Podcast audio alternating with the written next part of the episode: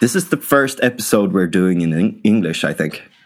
Oh, cool. So I'm I'm a bit nervous. I'm uh, I've uh, had too many languages in my head recently. I've been in Italy recently, and then I'm in Germany, and now it's English, so it's like floating around. But I think it'll be perfectly fine. And with us today, we have Owen Cyclops, also the first an- anonymous person. nice. Uh, yeah, man. I'm glad to be here, and I'm glad to uh, cross that threshold with you. yeah. Is it your first Swedish uh, appearance? Yes, it is my first appearance in Swedish media. So we'll, we'll look back on this one day. It'll be in the record books. yeah. so uh, tell us a bit about yourself. Yes. So you, you, start. I can say you start your book. Uh, I, I really uh, noticed uh, it was very poetic. Uh, let me see here. You say um, I used to do drugs in a dumpster behind a pet supply store with my dog every single night, but I turned it all around thanks to this book. yeah, I put a I put a few fake. Re- well, they're they're real, of course, real reviews on the back of the book to let people know uh, what they were in for. Yes. Oh yeah, yeah. So it's like a review. Yeah, yeah, yeah. I thought it was about you. yeah, yeah. Well, uh, well, you know that, that kind of that kind of is my it's kind of is my vibe. At least it used to be. Anyway, yeah. So on that note, yeah. So I'm an illustrator. Um, I really identify with the title of illustrator because there's lots of different kinds of artists. Uh, but what an illustrator does specifically, I would say, is puts ideas into pictures or conveys ideas with images. So on one, one end of the spectrum, maybe you have a fine artist doing paintings like for a museum. On the other side, you have a graphic designer making you know logos and layouts and things like that an illustrator is kind of right between those two things and sometimes tends more towards one side or the other. Yeah. So what I do basically is, you know, about half ideas, half art, making images and things like that. Uh, recently, I've shifted over more to making comics, but I still do art and design and things like that. And as for the content, uh, I would say that it's mostly based around my own ideas, religion, theology, that's sort of my home base. But then if you're someone who maybe spent some time looking into things like Bigfoot or Atlantis while also being interested in religion, we're of the same clan. We're of the same uh, ballpark, at least for sure. Yeah, you are truly a, a free thinker. I, I, I, would say. Uh, I, I stumbled upon you actually. I, first, I need to say, like, it's for the people around there who knows about Stone Toss. You're like a, a more kind and more esoteric version in some sense, and I also and also better better illustrations. That's a that's a good compliment. He's uh, he's made a big dent in the internet for sure. So it's a good parallel. He has, and it's so funny, like how I mean, comics is, I mean, very, I guess, Lindy in some sense. Like it's been us with us, like the the art of semiotics and trying to convey feelings through through like simple art has been a, with us so long, and it can also be, I mean, in just like four panels, Stone Toss creates such like a massive reaction with people. Like even if you don't like completely agree with the insinuations of it it's still like fascinating how pe- how how much reaction he creates. Yeah it is very interesting. There's something I've, there's something i've thought about there a lot. There's something about the combination of words and images that is you know you use the word lindy. It is very intuitive to the human experience uh, a big part of my past and present is religious art and that's sort of an interesting manifestation of it because there you have some kind of text or scripture or something, but it's pretty much always paired in some way with images. Um, mm. As for getting ideas out there, you know, you mentioned stone toss. I find there's also something almost like I almost hesitate to use this word, but there's almost something like authoritative about pairing words with images. It almost like it gives it more weight and makes yeah. it like more than itself. It's definitely more than the sum of its parts, which is uh, definitely sort of yeah emergent in some sense. Yeah, yeah, definitely. Yeah. Definitely, I, I agree, and it's like uh, I, I think also, I mean, the both the part of putting effort into something, right, uh, but also like provoking the mind's eye to to the concept and engage it in a, in a broader sense. Yeah, like well, it uses more senses to to convey the information, right?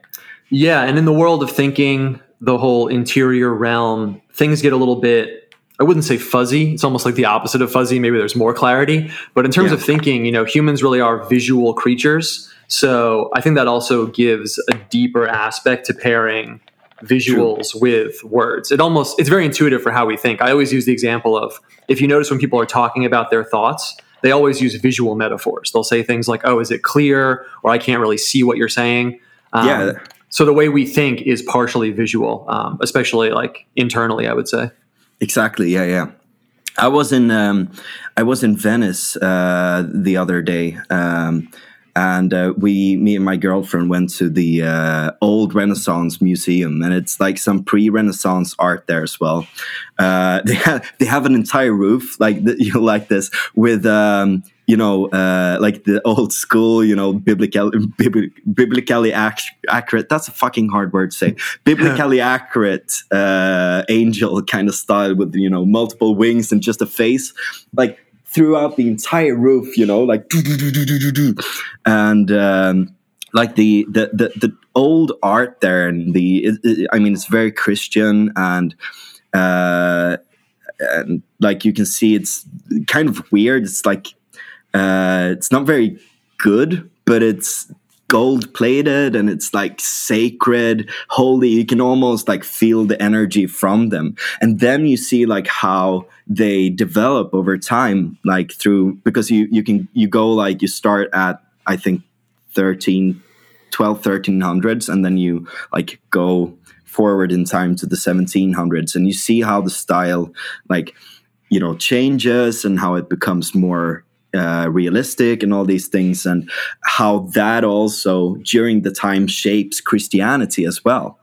I mean, the the, the, the, the picture of Christ and of God and all these things and the angels and like that has a deep I think effect on how people also perceive it because they can imagine it more right? Oh yeah definitely man. I mean a big part of my you know it's funny so it's funny that I ended up in comics world because people often ask me like, "Oh, you make comics, you know? So uh, what what what you know cartoons do you like? What comics do you like? You know, where's your influence there?" But I really came in the back door through religious art, so it's kind of funny that I ended up there mm-hmm. um, because a huge part of my development and where I was at for a long time and where I'm still at is the whole nature of religious art in general is really what kicked my operation into the next level. I knew I was into art and weird ideas and things like that, but spending a lot of time with religious art from different civilizations and different traditions really made me realize kind of exactly what you were just saying. Like, wow, or maybe I took it away from what you were saying. Like, this whole worldview is almost distilled in these little images and paintings, and you can see the story of it progressing over time. Um, and that's that's a really crazy thing actually. I think maybe we kind of take it for granted. You know you go to a museum and you see 10 cool things and maybe 50 really weird things and you leave. But there's something really interesting about the fact that you know like india a whole civilization and everything it's almost like its essence and vibe can be distilled into a few sculptures and paintings. And when you see them you're like oh maybe you don't get the information you don't you know you haven't read the yeah, scriptures but like or anything. the intuition of it Exactly. Like a Buddha yeah. sculpture, you know, you see a Buddha sculpture and there really is something intuitive of like, oh, that's what this is and what the vibe is, you know? And that's yeah. really what intoxicated me in a way uh, for a long time because I'd already been reading religious texts. And then paired with the art, I was like, wow, this is such a powerful operation and intrinsic aspect of the human experience that um, I mean, yeah, it's basically consumed my entire life still. I mean, it's uh, it's a good obsession, I guess. Yeah, I mean, yeah. better better than a lot of other obsessions. yeah, probably. Do you know John Vervaeke? John Vervaeke, maybe is called. No, I don't. Uh, he he talks about these things a lot. Actually, is a, a, a, cognitive scientist and he works with uh, comparative um, mythology at Toronto University. Oh, cool. Uh, and like around the meaning crisis. Um, and um, he, he talks a lot about these things. Like, so I just want to check, but like, I, I think it's, I mean, it's also, I mean, intuition is so looked down upon today because it's like, it's like equivalent with superstition, right? But and it's also intuition is in some way also has this i don't know like aspect of holiness or sacredness sometimes as well like you can have an intuition that something is sacred and holy or it can give you the intuition of sacred and holiness right yeah, well, it's really interesting. There's a lot of like really, really interesting stuff there because for my own path, I almost feel like I have a, a, a I, I land in a really weird spot where the Venn diagrams overlap because I really am 100% a spiritual, God inclined person. And I feel like I got there via my logic and reason, honestly. So it's mm-hmm. funny because, yeah, my perception was that religion is like blind faith and superstition and stuff. But I really do feel like my own reasoning is what got me onto this firm stone foundation of okay i'm, I'm 100% sure that god is real. This is a big part of my life.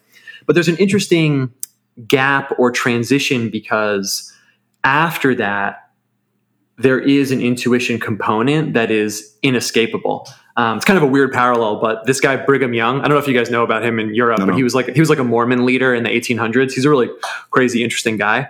But mm. he said philosophy can get you to the point of okay, God is real. I've reasoned it out. That's true. But after that, it's intuition, faith. There's only so far you can get yeah, with yeah, reasoning okay. it out in that way. Um, and that's definitely been part of my own experience. And I think playing, not playing, but existing sort of back and forth between those th- two things has been a really interesting dimension of of my own journey in spiritual life for sure. That's very interesting. I, am I'm, I'm coming out to a lot of people now as completely crazy, maybe, but uh, I, have been I've been like doing. I, have been thinking around these things. I'm I still. I mean, I wouldn't call myself religious, but I believe in in holiness and sacredness. I believe some things have the sort of effect on us. So it's more of the sort of cognitive perspective on it and the feeling of it rather than something supernatural if you understand what I mean, like more bottom up, you know, in, in some sense, like emergence. I, I believe like um, uh, the universe basically can create these emergent structures of life, and life itself can organize its you know, uh, in in in rituals, in speech, in uh, in images, and all these things to create these social emergent structures that become holy, right? Um, so yeah, um, definitely. Um, um, so I'm, I'm, I'm a bit into this as well, but I actually when I when I stumbled, we can go into this a bit more later, but like when I stumbled upon you, what the first time was your thread on psychedelics and demons. Because nice. yeah, so that was like a bam head start, you know, like into uh, uh not a head start, but like a crash into like this esoteric worldview. It's probably and, a good intro to my vibe in some ways. I bet I bet a lot of people kind of came into my uh, operation and stuff uh, from that. Yeah. And like I've been doing some psychedelics myself, both as a ritual, you know, like a meditative thing and uh, and also I mean in in in in party situations. That's really how it started, but like not in this sort of vulgar way, but rather in a fun exploring way, you know? Uh, and I read it, and like even though I, I, I, you know, I think I think you can have sort of. It, you don't necessarily need to believe in actual demons or like actual you know these things for real but you can still use them as metaphors as well uh, but i but like take take us through it a little bit your your reasoning there yeah so basically what we're talking about is i made this thread on twitter um, it's funny because you know people ask me what I do, and I'm like, I'm an illustrator. I, I make art. I release this book of comics. I make comics, but a big part of it, what I do is posting online. And I feel like for younger people, it's kind of intuitive. Like, oh yeah, you know, you post online, that makes sense. Mm. But sometimes I'm talking to older people and I'm like, yeah, I make art and I post online. And they're like, what do you mean post online? Like, what are you talking about? that, that, that, that, uh, you know, partial occupation doesn't exist in their minds. Yeah. Um, anyway, though, so yeah, a big part of what I do is putting my ideas out there and stuff. And what we're talking about is a thread I made. And so with my own, you know, background and everything, I was a I don't want to say devotee, but I really was 100% in on the psychedelic path being my spiritual path for a long time. And also Um, like the mythos of it, right? Yeah, so I would kind of describe it. This is just my own perception, but I'd really say that there is like a folk religion around psychedelic use in the West. Absolutely. Yeah. Um, not even in a negative way, just just noticing it because there really is like uh, uh, a golden past, like you know, oh, you know, shamans and stuff. We all we all used to do this, and then it was kind of lost, and now we're bringing it back. And there's a, a path aspect of it of you know we're doing this to gain wisdom, and, a, and sort of a cosmology also that goes with it. You know, um, I think people maybe intuitively or not kind of lay a sort of platonic ideal over it where you know here we are in this reality but there's something else out there that's like more spiritual or something and when we do psychedelics we like key into it and maybe we can like bring stuff back from there so there is a whole like folk religion around it basically i would say and i was that like 100% um, if there's like an archetype of you know nerdy white guy into buddhism and weird philosophy doing psychedelics for spiritual purposes i was like boom, that's me. Like turn the knob up to 10. I was that guy 100%. And I made this whole thread about, and then I kind of fell out of it for a variety of reasons that we could talk about. Um, but I made this thread because I feel like I had picked up a few. Sorry, part of my chair just fell off. No Everything's worries. fine here though. Um, I picked up uh, Was it few- the archetype of the chair? this is this is the platonic ideal of the chair. Now, now all the other chairs are going to be ruined. Um, yeah. Anyway, so I picked up a few things along the way, very I would say odd or atypical connections, and by putting them all together, it really gave me a different lens on the psychedelic experience. I'd say that that is primarily characterized by a retroactive realization. When I looked back, I was like, wait a second, that for most people, well, I, okay, I can't speak for other people. For me and the people I was around when I was in that world, I think there's not really an integration of like, but what if some of these things are not what they seem? Or how do I know that the information I'm getting from this experience is true? Or, or maybe if I see an entity or interact with an entity, you know, how do I know that there's not like a deceptive aspect of that?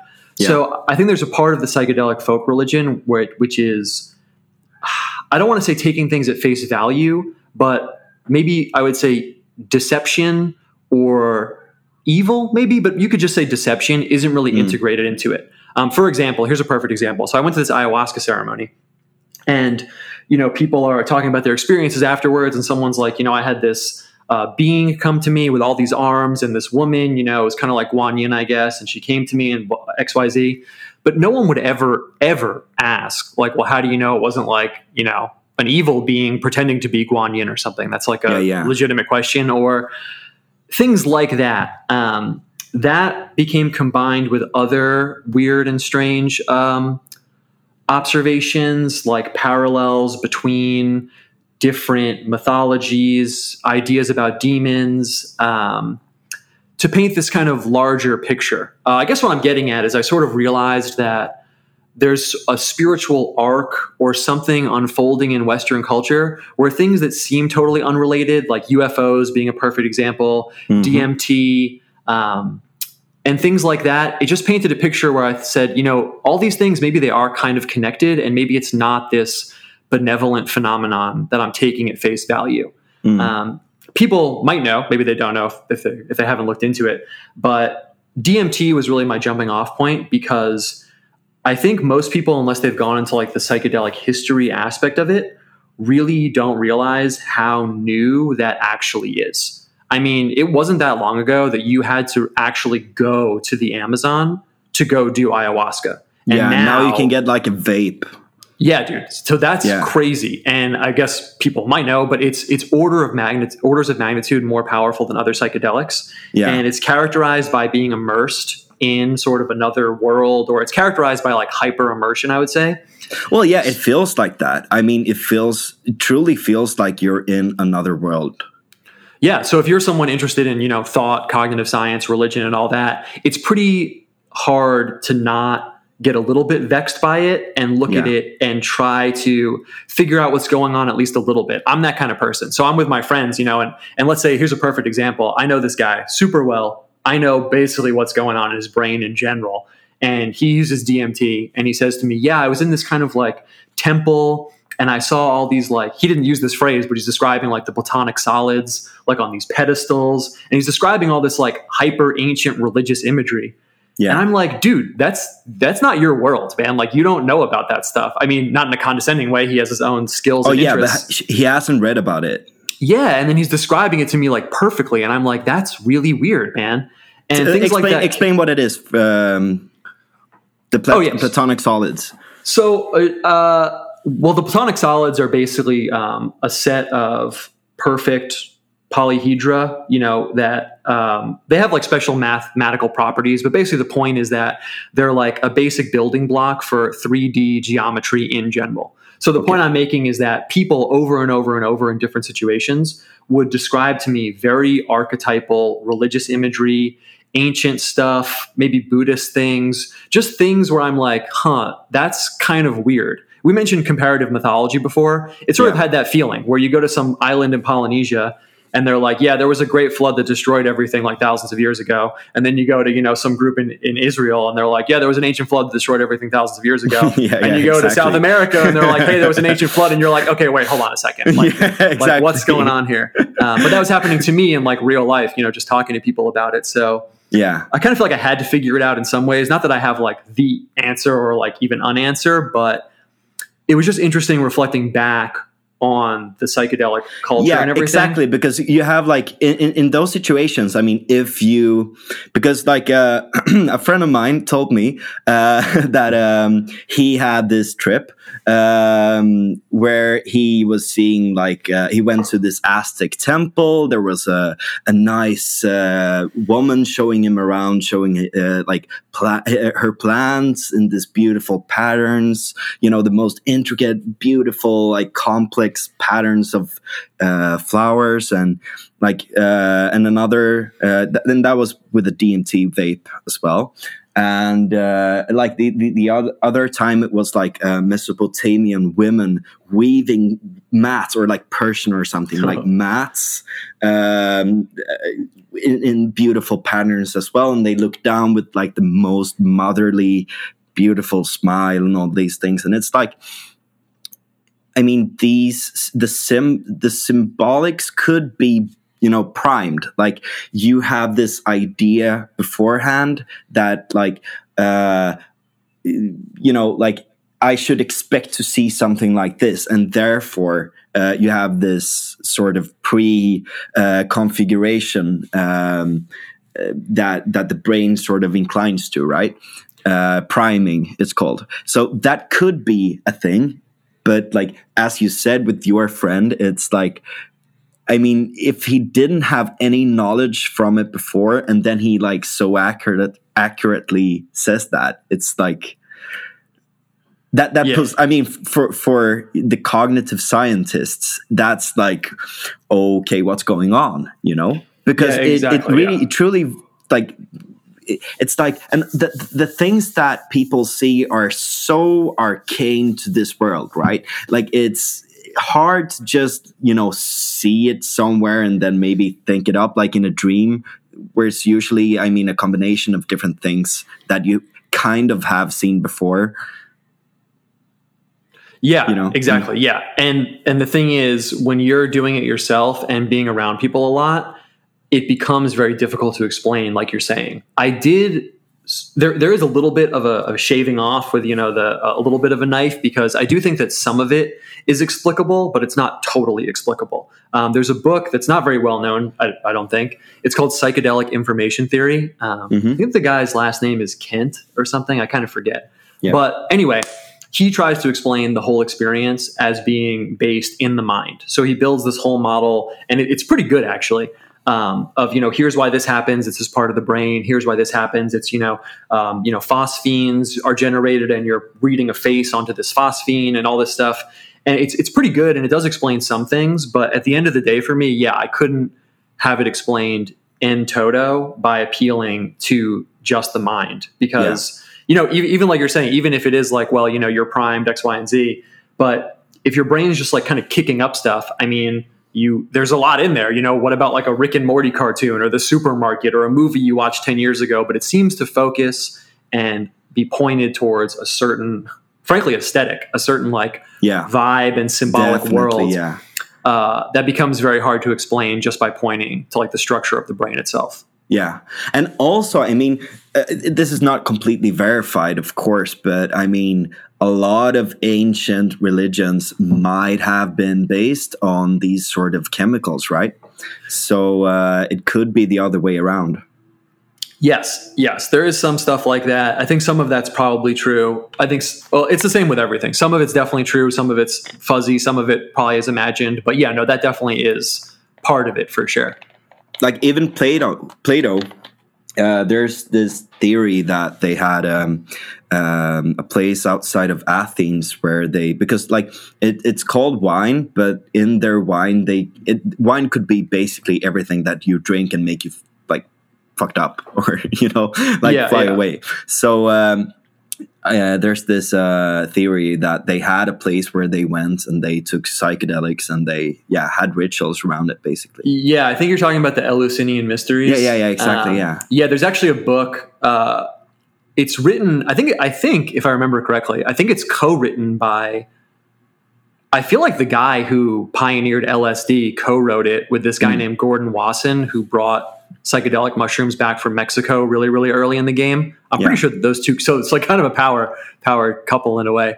But yeah, so they have the, they have a whole theory about it. I think that it's actually pretty well founded, to be honest with you. As much as I am kind of primed, like you said, when people come up to me and they're like, "Oh, you know this religious thing? Like secretly they were doing drugs." I'm a little bit like, "Okay, yeah, I've heard that before." But Yeah. actually, I think that case is actually pretty good, and I, I did. I, I almost do subscribe to that theory in a way. I don't know if I would still think it if I went back to it, but it's definitely not baseless. It's it's pretty well uh, constructed that argument.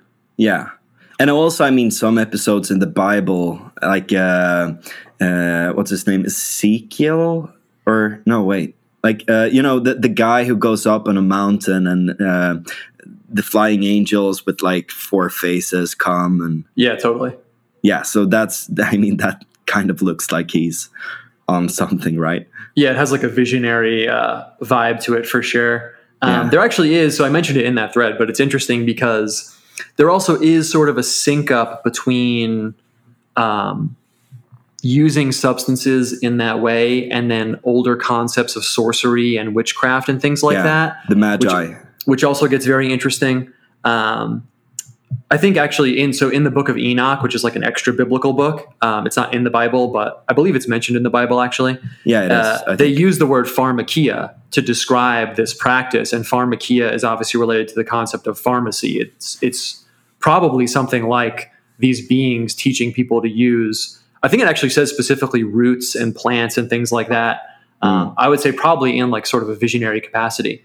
Uh, but like I said, then eventually I sort of turned the lens around and I was like, well, I'm assuming this is all benevolent, but what if it's not? and that's where Yeah, things got exactly. interesting. Yeah.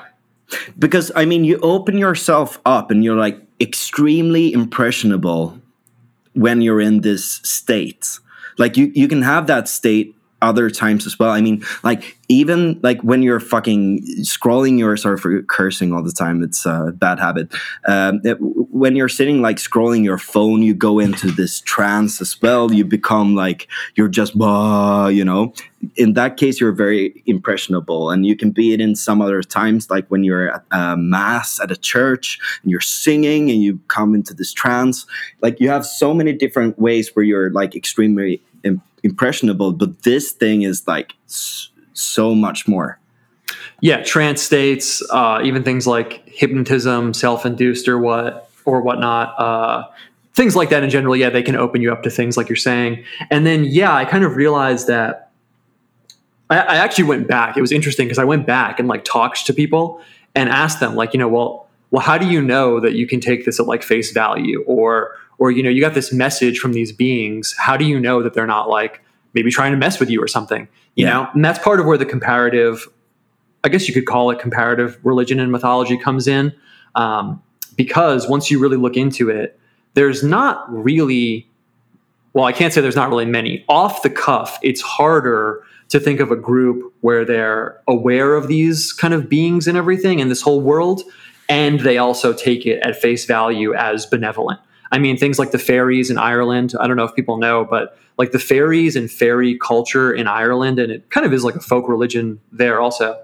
They're not like Tinkerbell fairies. They're like, we really enjoy messing with people and they're really scary. Everything from like, you know, oh, we put your boots outside, but you left them inside. We're just messing with you to like, we're going to lead you into the spirit realm and like a hundred years will pass and you're going to like die at this like party or something. Yeah. Um, they're like, they're, they're more kind of like, it's like if you mix like a demon with like Tinkerbell or something, you know, they're not Yeah, just yeah. like, oh, these are our friends. Um, in Islam, they have the jinn, uh, which is they're they, could- they're more like neutral in my opinion. Like they could be evil or bad or good. But the point Mm-hmm. is that yeah, very few, if any, cultures just take the existence of a spirit realm and then slap a sticker on it that says all this is good and we're going to take it at face value. And I realized exactly. the, the folk religion I was hanging out in, at least I was doing that. Yeah, Sweden has a lot of folk religion as well around these Oh things. yeah, dude. Yeah. yeah. There is actually um, a very nice book that was released uh, by uh, um, the the publishing company that um, uh, is connected to the place that I, I work. That uh, they published a, a very very nice book on it recently on folklore, Swedish folklore. Yeah, that's awesome. Yeah, but I mean, and it's also, I mean, the the messing part could also be, I mean, uh, like if if you take it that they exist and all these things, I mean, if they were to exist, they would probably be sort of some level above us, right? We would be, I mean, the same way we sort of mess around with animals sometimes, you know? Yeah, for sure. I mean, going deeper into like Christian theology and theology in general, I mean, in my opinion, like people's concept of demons, I think most most people at least here I could say, I think they don't really realize that like demons are angels. They're fallen angels. So that means Yeah. that they have all the power and stature and ability of an angel. It's not like they're like gremlins like running around or something.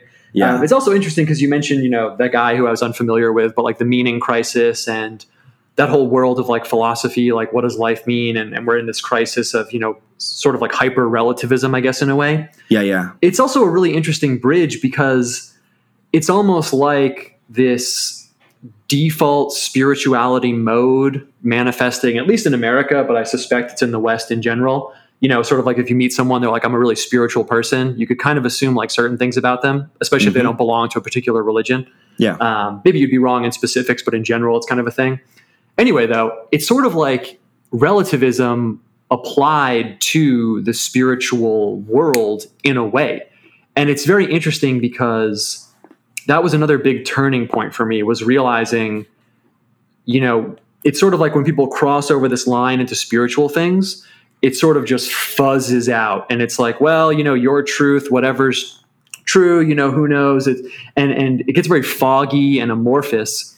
And it was interesting for me thinking, you know, is that really the case? Or if things are true and things are real, why wouldn't that be the case for spiritual things Yeah. also? And that was an interesting aspect of being, again, in that like psychedelic world because, you know, if you're at an ayahuasca ceremony and things like this happen and someone says, yeah, I had a vision and it was the Virgin Mary and she came to me and told me this. And the next person says, well, yeah, Buddha came to me and told me this.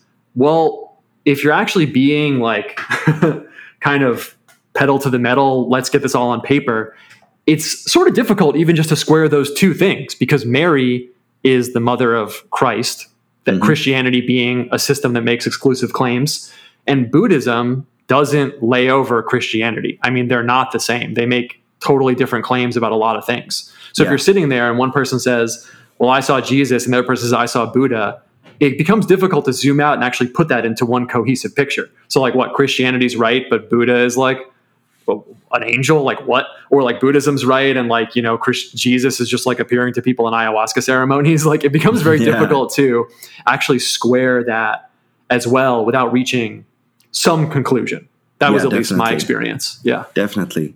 And it's like I, I think one very interesting thing as well is that there's like this if, if you look at the meaning crisis and like the crisis of spirituality it's like uh, we killed god you know, like way, way back, uh, and we didn't like really replace him with anything. Uh, especially, I mean, in Sweden, which is very atheist. I, the U.S. still is very religious, right? But uh, Yeah. but in a lot, but but only like segregated to some areas as well. So like, um, when you do that, there's like a power vacuum, and even if you have like a memetic theory, I, I I'm very inclined to memetics. It's basically my field of study, but uh, so like if you see it as some sort of memetic virus and not like necessarily a bi- bad virus, but like uh, it spreads and it reproduces and it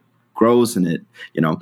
Um, and uh, it tries to reproduce it has a fitness and all these things. And that can be like if you see it like that or, or if you see it uh, like the uh, like there's a power vacuum for that or a power vacuum for religions or demons or angels or whatever that tries to capture the, the, the human mind right Yeah, yeah. Well, people need a worldview and cosmology. You you can't escape it. Um, and the ersatz, the uh, the the the, uh, the the replacement for these things have been ideology, uh, and t- like like the old school ideology, you know. And now it's like even more chaotic. It's like.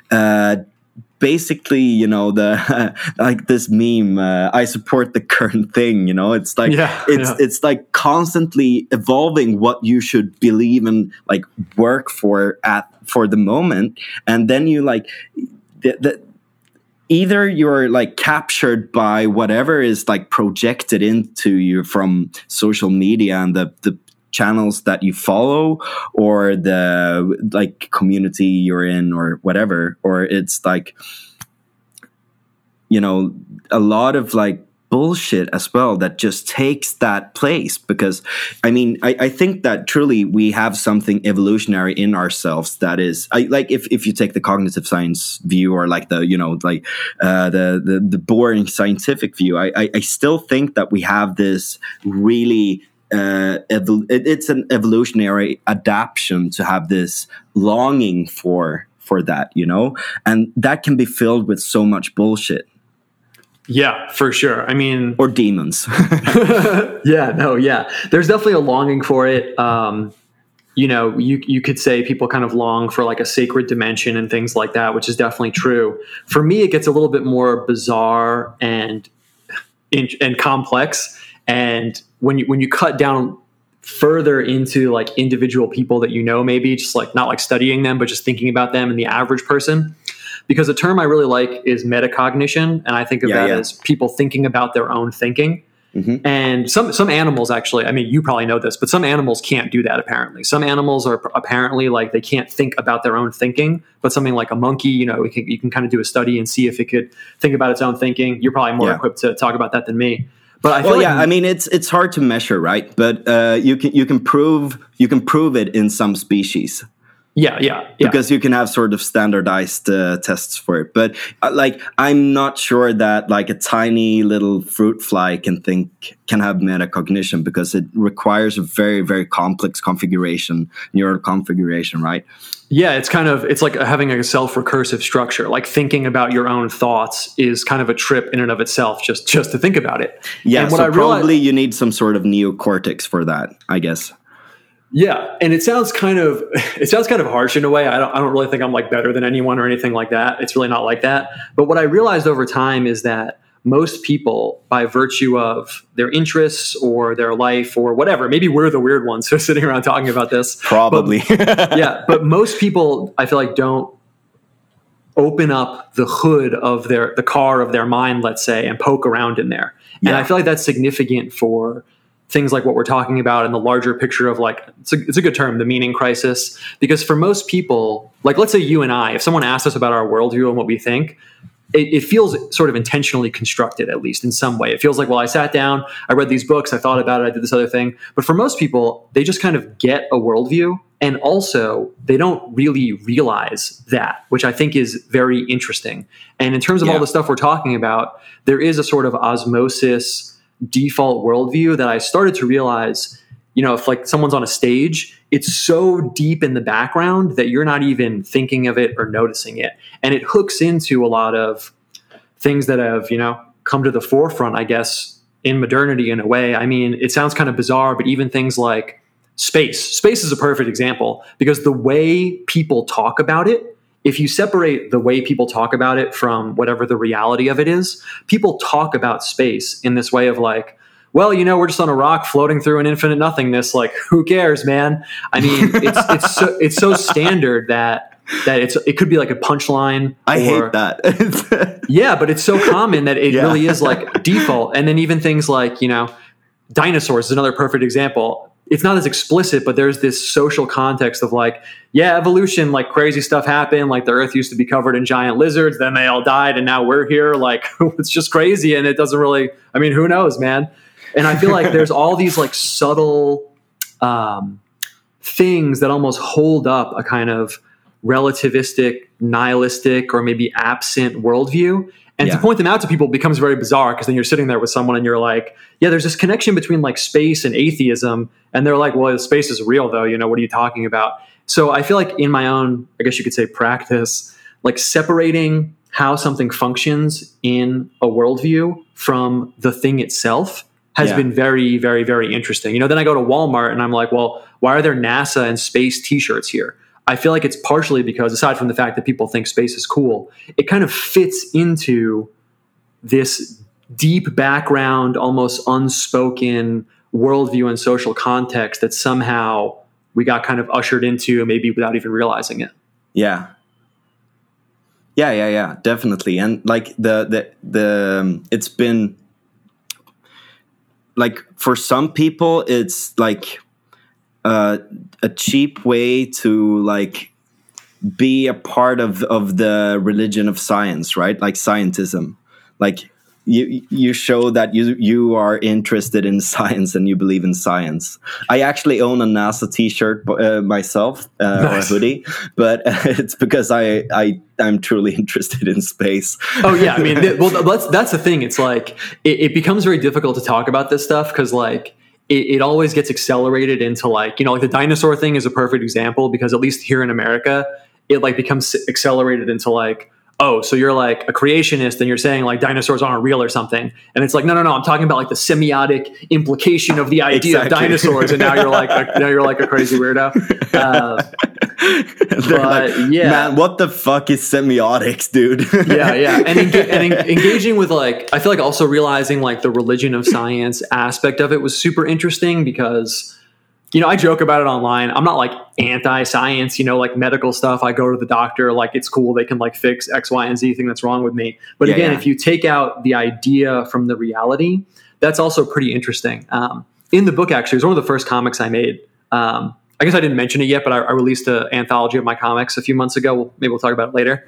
But the point is that in there, there's a comic where two people are talking and one says like yeah everyone lies and the other guy's like yeah people lie about stuff you know the government the media everyone lies and then one of them is like yeah and scientists lie too and then the other guy stabs him and it was just that kind of like realizing you know i lived in I lived in New York, so I was in a very like sort of. It, that, that's a little like that's. I would say that's a, a, a more uh, like deeper view, like uh, than uh, I, I, think Stonetoss has a similar one, which is like this hippie who says like you should question everything, and there's yeah, this yeah, guy yeah. who starts questioning the Holocaust, and he's like, no, you know, yeah, yeah, yeah, yeah. I've, I've seen that. That is funny. Yeah.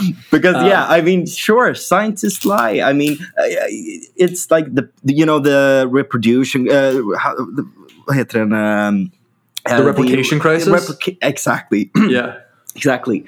I mean, that thing, and like, there's, I mean, incentives to at least, you know, bend the truth a little bit. And, and some scientists that are like deeply convinced of some things. So they sort of, you know, uh, try to make the data sets look like they point at a direction or it, but, but it's also, that is one thing, but also like how science is quoted and used and all these things. Like, uh, it's it's it's easy to manipulate statistics in favor for your thing, right? Yeah, and even yeah, totally. And then even separate from that, just this view of like I, I, I wanted to make a comic about it. I was kind of joking about it for a little bit, but it's this concept of like data is almost like this like manna from heaven and like the data like guides and has its own like mind or something you know um, it kind of ties back to what we were talking about before because mm. in some ways people do i think view it's almost like they in their mind they, they would never say this maybe but in their mind they almost think like if you do a scientific experiment it could give you like philosophical information and mm. that you're not just getting data you're not just measuring a table and finding out it's 12 feet long it, it, could tell you what to do and like what tables are for and where we should put this in the living room. Yeah, um, a, good, a really not, good example. Not just the is, but the should.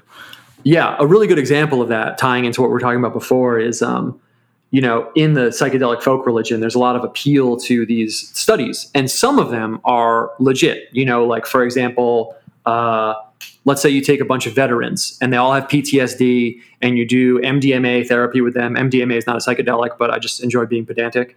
Um, and then two two years later, their PTSD is still cured. They have no symptoms. Like, yet that is like you could extrapolate legitimate information from that. Yeah. But there's also sort of a separate thing where, let's say they do a study and you ask people, uh, you know, has this improved your life? And they say yes. And they say, do you believe in God now? And they say yes. But those questions, even just those two questions, are so extremely complicated that it's almost naive to just take it as like scientific data as at face value. You know, yeah. if you ask my parents, are you guys happier when you watch TV? They would say yes.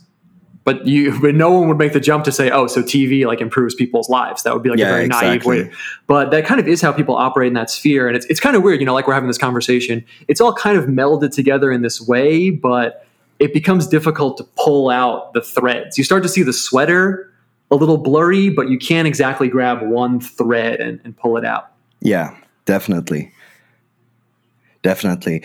I and it's also, I mean, I think that is something that like in our obsession with science that we have today, especially around like, you know, corona, trust the experts, blah blah blah blah blah and all these things. It's almost like we just it, it's like we want them to just like lay out this perfect form of how you should live and act in that you know it's like we we it's like the longing as I talked about before for this sort of divine plan of some sort yeah yeah i mean I, I would go full on and say like science and scientists like function almost as a priesthood for this time. And you could really take the parallel all the way there. I mean, a university is kind of like an initiation temple kind of place, as insane as that sounds. You go there, you get this like certification, and then you're a scientist. And questioning it is is totally usually off the table. You know, they're a scientist, you're not, they're a priest, you're not. Um, I would take the parallel all the way there because in my life, that, that's how it manifests for sure. Especially if you yeah. start asking questions um, you know, even if they're dumb questions, even if you're like, I'm dumb, I don't get it. Like, someone explain it to me. Um, and then you're like, well, that answer doesn't really make sense. Then you start to get like the heretic label put on you. Um, yeah. I had that a lot. Probably. Maybe I was like more annoying than I should have been. But at the same time, it's like, well, I'm not going to accept something if I don't understand it, right? Yeah. Uh, it's funny. Again, there's a parallel with religion. You know, sometimes when I'm doing theological research, if I ask someone something and they give me an answer and I'm like, I don't really feel like that makes sense. They're like, but that's the answer. Yeah, exactly, kind of, you know, and yeah. they kind of give you like a threatening look. Uh, so yeah, I mean, it's funny because we mentioned before, you know, all the relativity and you know, but at the end of the day, most people do have things that they're like, yeah, this is ironclad, 100% true, and I'm not really cool with you questioning it. Maybe that's yeah. just how people are, but we should be like aware of it. And and that's really interesting. I mean, looking at the word gnosis. Um, I mean, like this sort of self-evident truth, or I mean, I am sure it's. I'm not a theologian, but um, uh, or a theologist, but uh, like when you feel that something has a like self-evident truth around something, and uh, it's it's like and and someone says, "Well, this book didn't say that," or "The science doesn't say this," blah blah blah blah blah blah. blah. But you're like, "But it makes so much sense. It's so coherent, and I've been going it through. I've been testing it, you know, with so many different ideas and this i think this is a good hypothesis that can really like that can really disturb people i think yeah definitely um, i experienced that in a lot of ways i mean it's it's sort of a you know you, people usually put this label on things to make them negative but even in like conspiracy theory world uh, it's very easy for any normal person if they've never poked into it to poke into that world and let's say find something among the piles of you know wreckage and everything to find something and say oh this is real and, and actually that's funny. I didn't even know this was real before but now i know. But then when you bring it back you know you're not going to have the reaction you expect. Yeah. Um, a really safe one for example is um, uh, something like weather modification. You know, yeah. I, it was funny because so actually, so I document this in the book. I guess I'll just mention it. So my book's called Channel One. Uh, it's a collection of all the comics I made up until you know January or December. It's on Amazon. Check it out. Channel One. Owen Cyclops. But anyway, in, in the, yeah. Anyway, it's there, really great. Uh, I've been looking uh, looking it through a little bit, and I love it. I can really recommend it. Word, thanks, man. That's cool. I'm glad you like it. Um, yeah. Anyway, in there, one of the earliest comics. This is sort of how I almost got the ball rolling this way was because I went through a process like that where I was going through conspiracy theory stuff. I was looking at it and I was like, yeah, some of this is not real, but some of it is real. And when I would show people or talk to people about it, I would just have the most interesting reactions. And as someone who's interested in cognition and how people think, and we haven't mentioned it yet, but worldviews, you know, how people's worldview functions and what those yeah. worldviews are built on. It was honestly so insanely fascinating, man. Like, there's something so interesting to me it, it's definitely pathological. I'm like way too fascinated by it. But if someone says, you know, yeah, like 50% of people are X, and you're like, here's this data, here's this, or stone cold, like let's say there was a photo of something, whatever. Here's this thing that shows that what you just said and what you're thinking is not true. What do you have to say about that? Seeing people's reaction to that is, dude, so interesting. Of course, yeah. it makes you really annoying. That's like why they killed Socrates, basically. But, but it's so fascinating, man. And if you're someone who can be like, yeah, well, I guess I was wrong. That's crazy. I never saw that before. Uh, I guess apparently you're in the minority. Um, so I made a comic where I'm talking to a therapist because I had gone through that. And I was probably being a little bit more annoying than I should have, maybe not. But it was just so interesting seeing all these people around me, you know. And I was in a pretty unique situation in the sense that I worked in the arts. I was, you know, with punks and like, you know, rebel people and everything. Mm-hmm. And then I was like, wait a second, you guys are supposed to be the most like free thinking group of people on the planet. Like, what the heck? Um, a really good example would be weather modification because people hear about that and they're like, yeah, it's some crazy like you know Illuminati thing or whatever. But if you take out your phone and you just search weather modification company, there's literally just like real companies you could hire to make sure it doesn't you know rain for your wedding or something. You know yeah. things like that. And it was just so interesting you know, if someone brought it up, I was, I, it's, it's in the comic, but this girl was like, yeah, I went on a date with this guy. He was talking about like, you know, people controlling the weather is like totally insane. And I did that. I was like, you know, look, if you take out your phone and you just, I was like, look, it's right here. Like, that's actually a real thing, man. And people just, I don't know, they like shut down or, or get really threatened.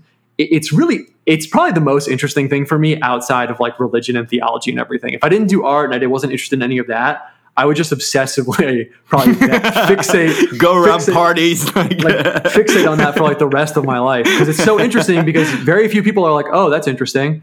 They have to like justify it or bend over backwards or something. And then you have the the situation of this is how I, I learned something else about worldviews. You know, if you show that to someone, and let's say you do find someone who's like, "Oh yeah, that's crazy. I didn't know that." They don't actually integrate it into their worldview like yeah. a week later, they'll be right back in the same way saying, "Oh yeah, weather modification, that's crazy." And you're like, "Dude, I just showed you what what."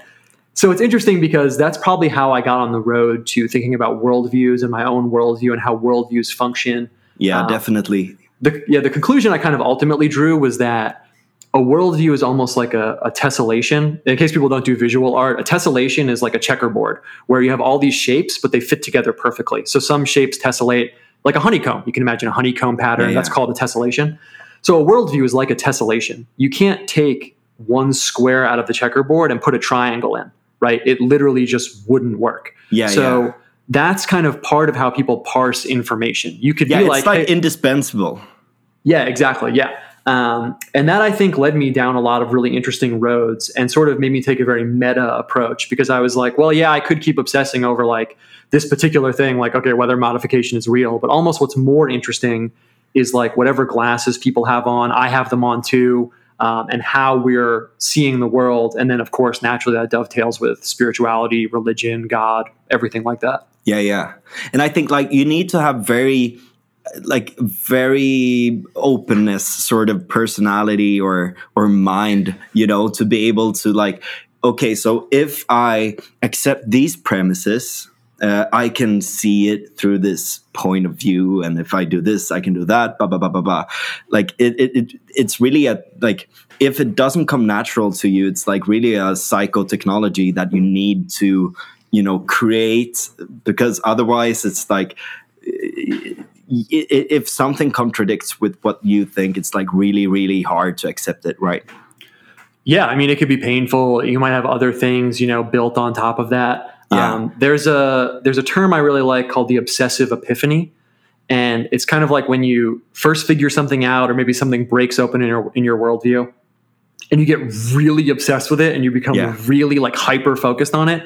That happens to people. Uh, I'm sure you're familiar with it. Yeah, yeah, definitely. Um, so yeah, it can be a really kind of like painful process. What's interesting though is like so we can have this conversation and say, yeah, well, it's really painful, and some people choose not to do it. You know, that makes sense. But I feel like what's even more interesting is I don't really know that they're choosing not to do it. It almost feels like like if you ask them, I don't think they would say that. If I ask someone, oh, so this is like painful for you to realize, so you're kind of just suppressing it, I don't think they would be like, yeah. It's almost like it's deeper, like it's it's on a layer deeper below the conscious mind. Yeah, I don't know, man. It definitely is fascinating. I though. truly think. I mean, uh, th- that's why I think like memetics is if if there's any sort of theory that is not sort you know supernatural uh, I, I, guess you could call it supernatural as well but it's i, I would say it's more of an uh, uh, emergence uh, sort of uh, thing which is still i mean uh, it, it's you know you, you can still explain it through scientific methods right? I think memetics is the best way to to to see these these things because like if you see it as networks of ideas and if you see that they can create like uh, memetic infrastructures you can create uh, uh, like languages and stuff like that that you know uh, creates an idea flow uh, through uh, you know with people that um, like you can communicate you can have common ground on, on things and that creates a ver- worldview and all these things. That a lot of that i think is not always conscious right? So if you look at swedish people we have a social network of people we have a memetic infrastructure of Swedish, uh, and we have we are talking to each other. We have some clusters that are different. The Gothenburgian people are different from the people from Stockholm. The northern people don't talk at all, and uh, like so, it's a bit of a difference, but we still speak the same language. And in that, a lot of ideas from Christianity even though we're atheists still per right? We have the notion of morality that is very, very Christian, Lutheran, Protestant, you know, and we have like all of these things, but they still reside in us on this in this deep level. So if you go against it, it's almost heretical yeah, that's really interesting. Yeah, and I mean, and even the people who present as though everything's like relative and amorphous still have these like invisible sort of core structures. Um, yeah. That then, and then it's almost like each structure has its own like it's kind of a weird analogy, but like invisible backpack or something. There's like invisible yeah. stuff embedded deeper in there, and uh, exactly. that's part that's part of what I find like super fascinating. Definitely, man. And I I, I think like this is a good like way to explain how like when it is in the subconscious and when it's like connected uh, with other people as well and you you see it as something that is true but it's like locally true you know? Uh, sometimes it's it, it can feel like the idea is almost either self-evident or alien because because like in the, the the the parts where it's like alien it's like it has been stored in your brain subconsciously and then it like pops up but you didn't know it was was there. Yeah dude you, dude i literally could not relate to that more. Um, that was a huge part of me in my opinion, sort of figuring things out because yeah, it's a strange feeling of like you just like you just said, you're going through your mind and you're like, wait, who put this here? I didn't even know this was here. Yeah. Um, and I think seeing how that plays out in patterns and social informational structures and things, it gives you a, in my opinion, it gives you a hint of what's going on um, on like the real landscape. You know, people use uh, the metaphor of like uh, the, I think there's a Jorge Luis Borges story where mm-hmm. there's a map but the map is like as big as the country. So the map is literally laid over the entire country, and people are just looking at the map, but underneath it is like the actual country itself. And it's interesting because it's almost like by picking out those little things, you can sense where there's something under that map, and you're like, wait, what's going on here?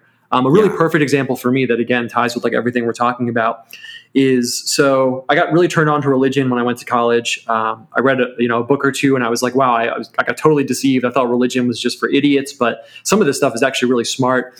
And yeah, I started yeah, yeah. and I started reading. My goal was to re- read a religious text from every religion. Since that time, I've basically only read religious stuff anyway. Um, but my point is that so I did that, and that was like my whole life, man. Like if I was reading something, which I was all the time, it was always from a religion, or I was like, okay, I read, you know, some of this um, Hindu stuff. Let's do Buddhism, you know, things like that. But I never even thought to read anything from Christianity ever. I never, mm. literally, never even thought about it one time. Which is interesting in retrospect. You're like, well, why is that? That's kind of weird. You could say there's no reason for it. But then later on, when I was more immersed in uh, let's say a social sphere where people were forced to and had to or did talk about all these things um, often it was really interesting because i realized that there was this like black spot over christianity.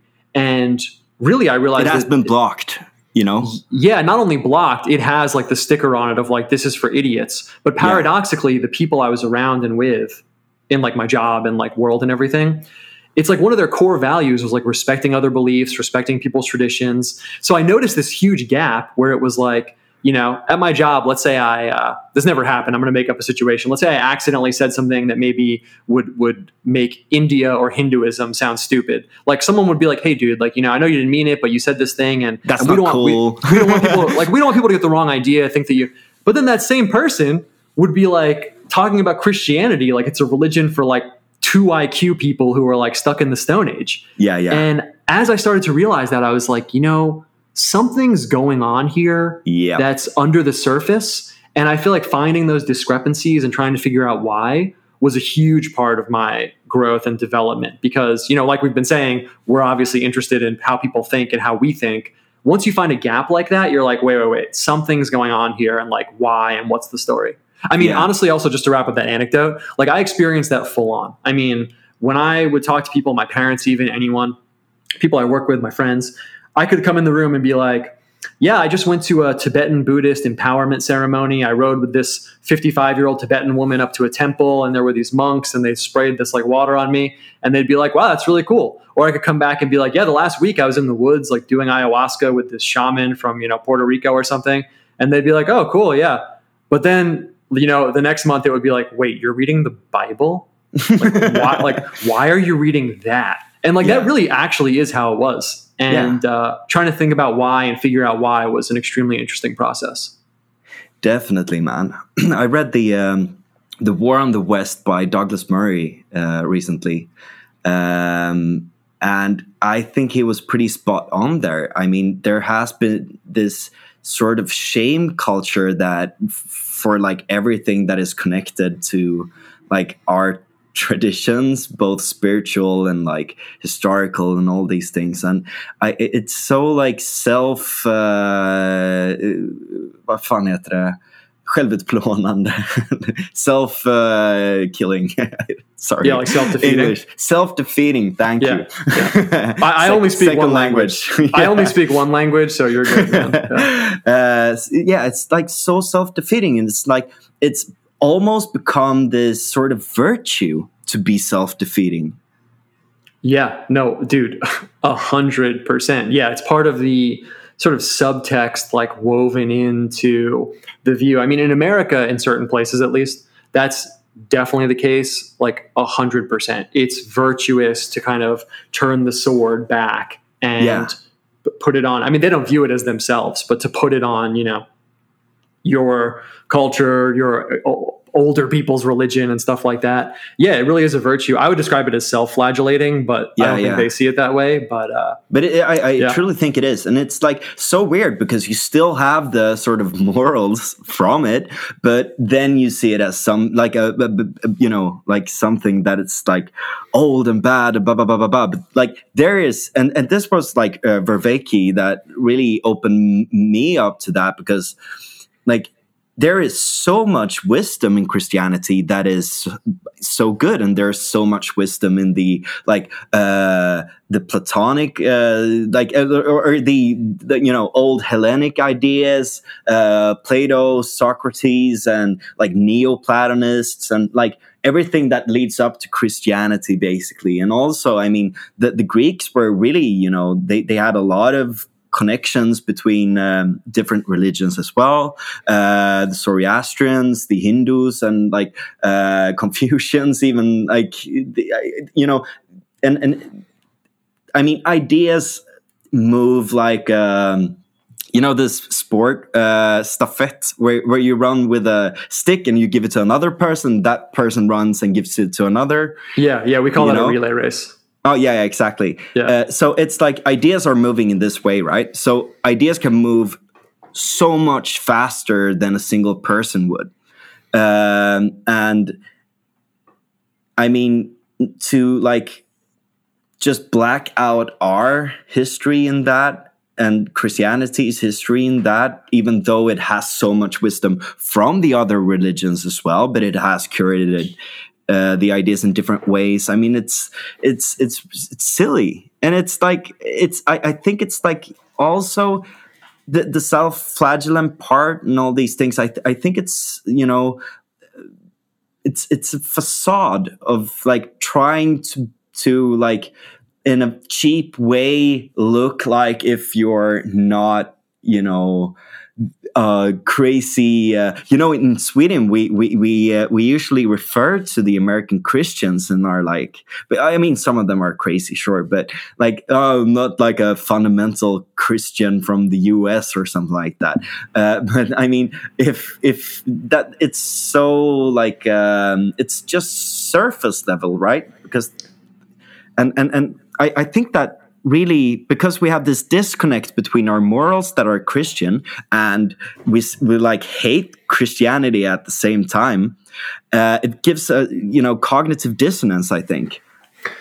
Yeah, no, for sure, man. It definitely does. I mean, there's a lot there. I mean, also, it's interesting because something else that I do sometimes is just ponder, like, well, what would the opposite of this be? Or if we really actually believe this and accelerated it what would that look like? You know if you're like a relativist and christianity is wrong it's it's just as wrong as everything else. It's not exactly. like a special like dunce cap wearing worldview. Even if even if you were like well it's wrong i mean is it how is it more wrong than you know islam? I mean how would you even measure that if everything's just incorrect?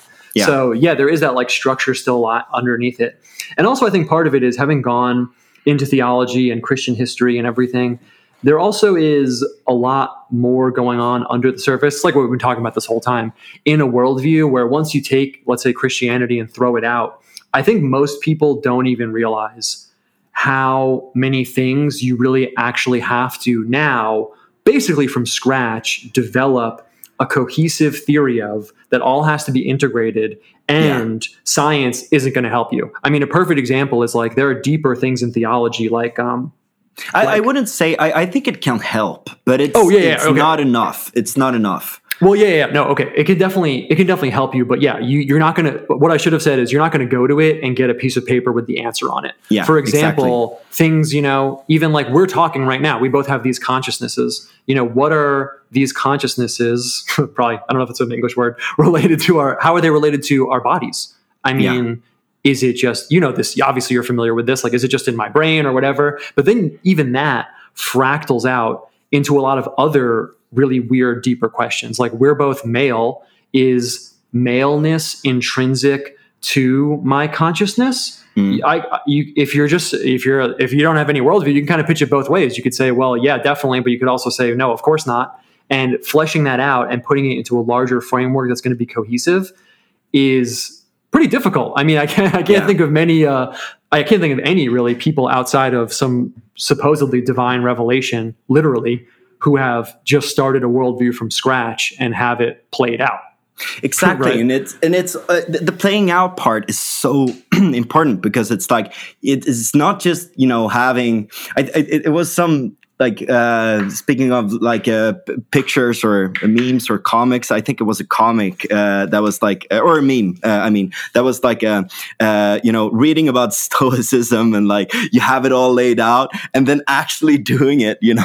It's, it's so much harder to practice stoicism than to know what to do right?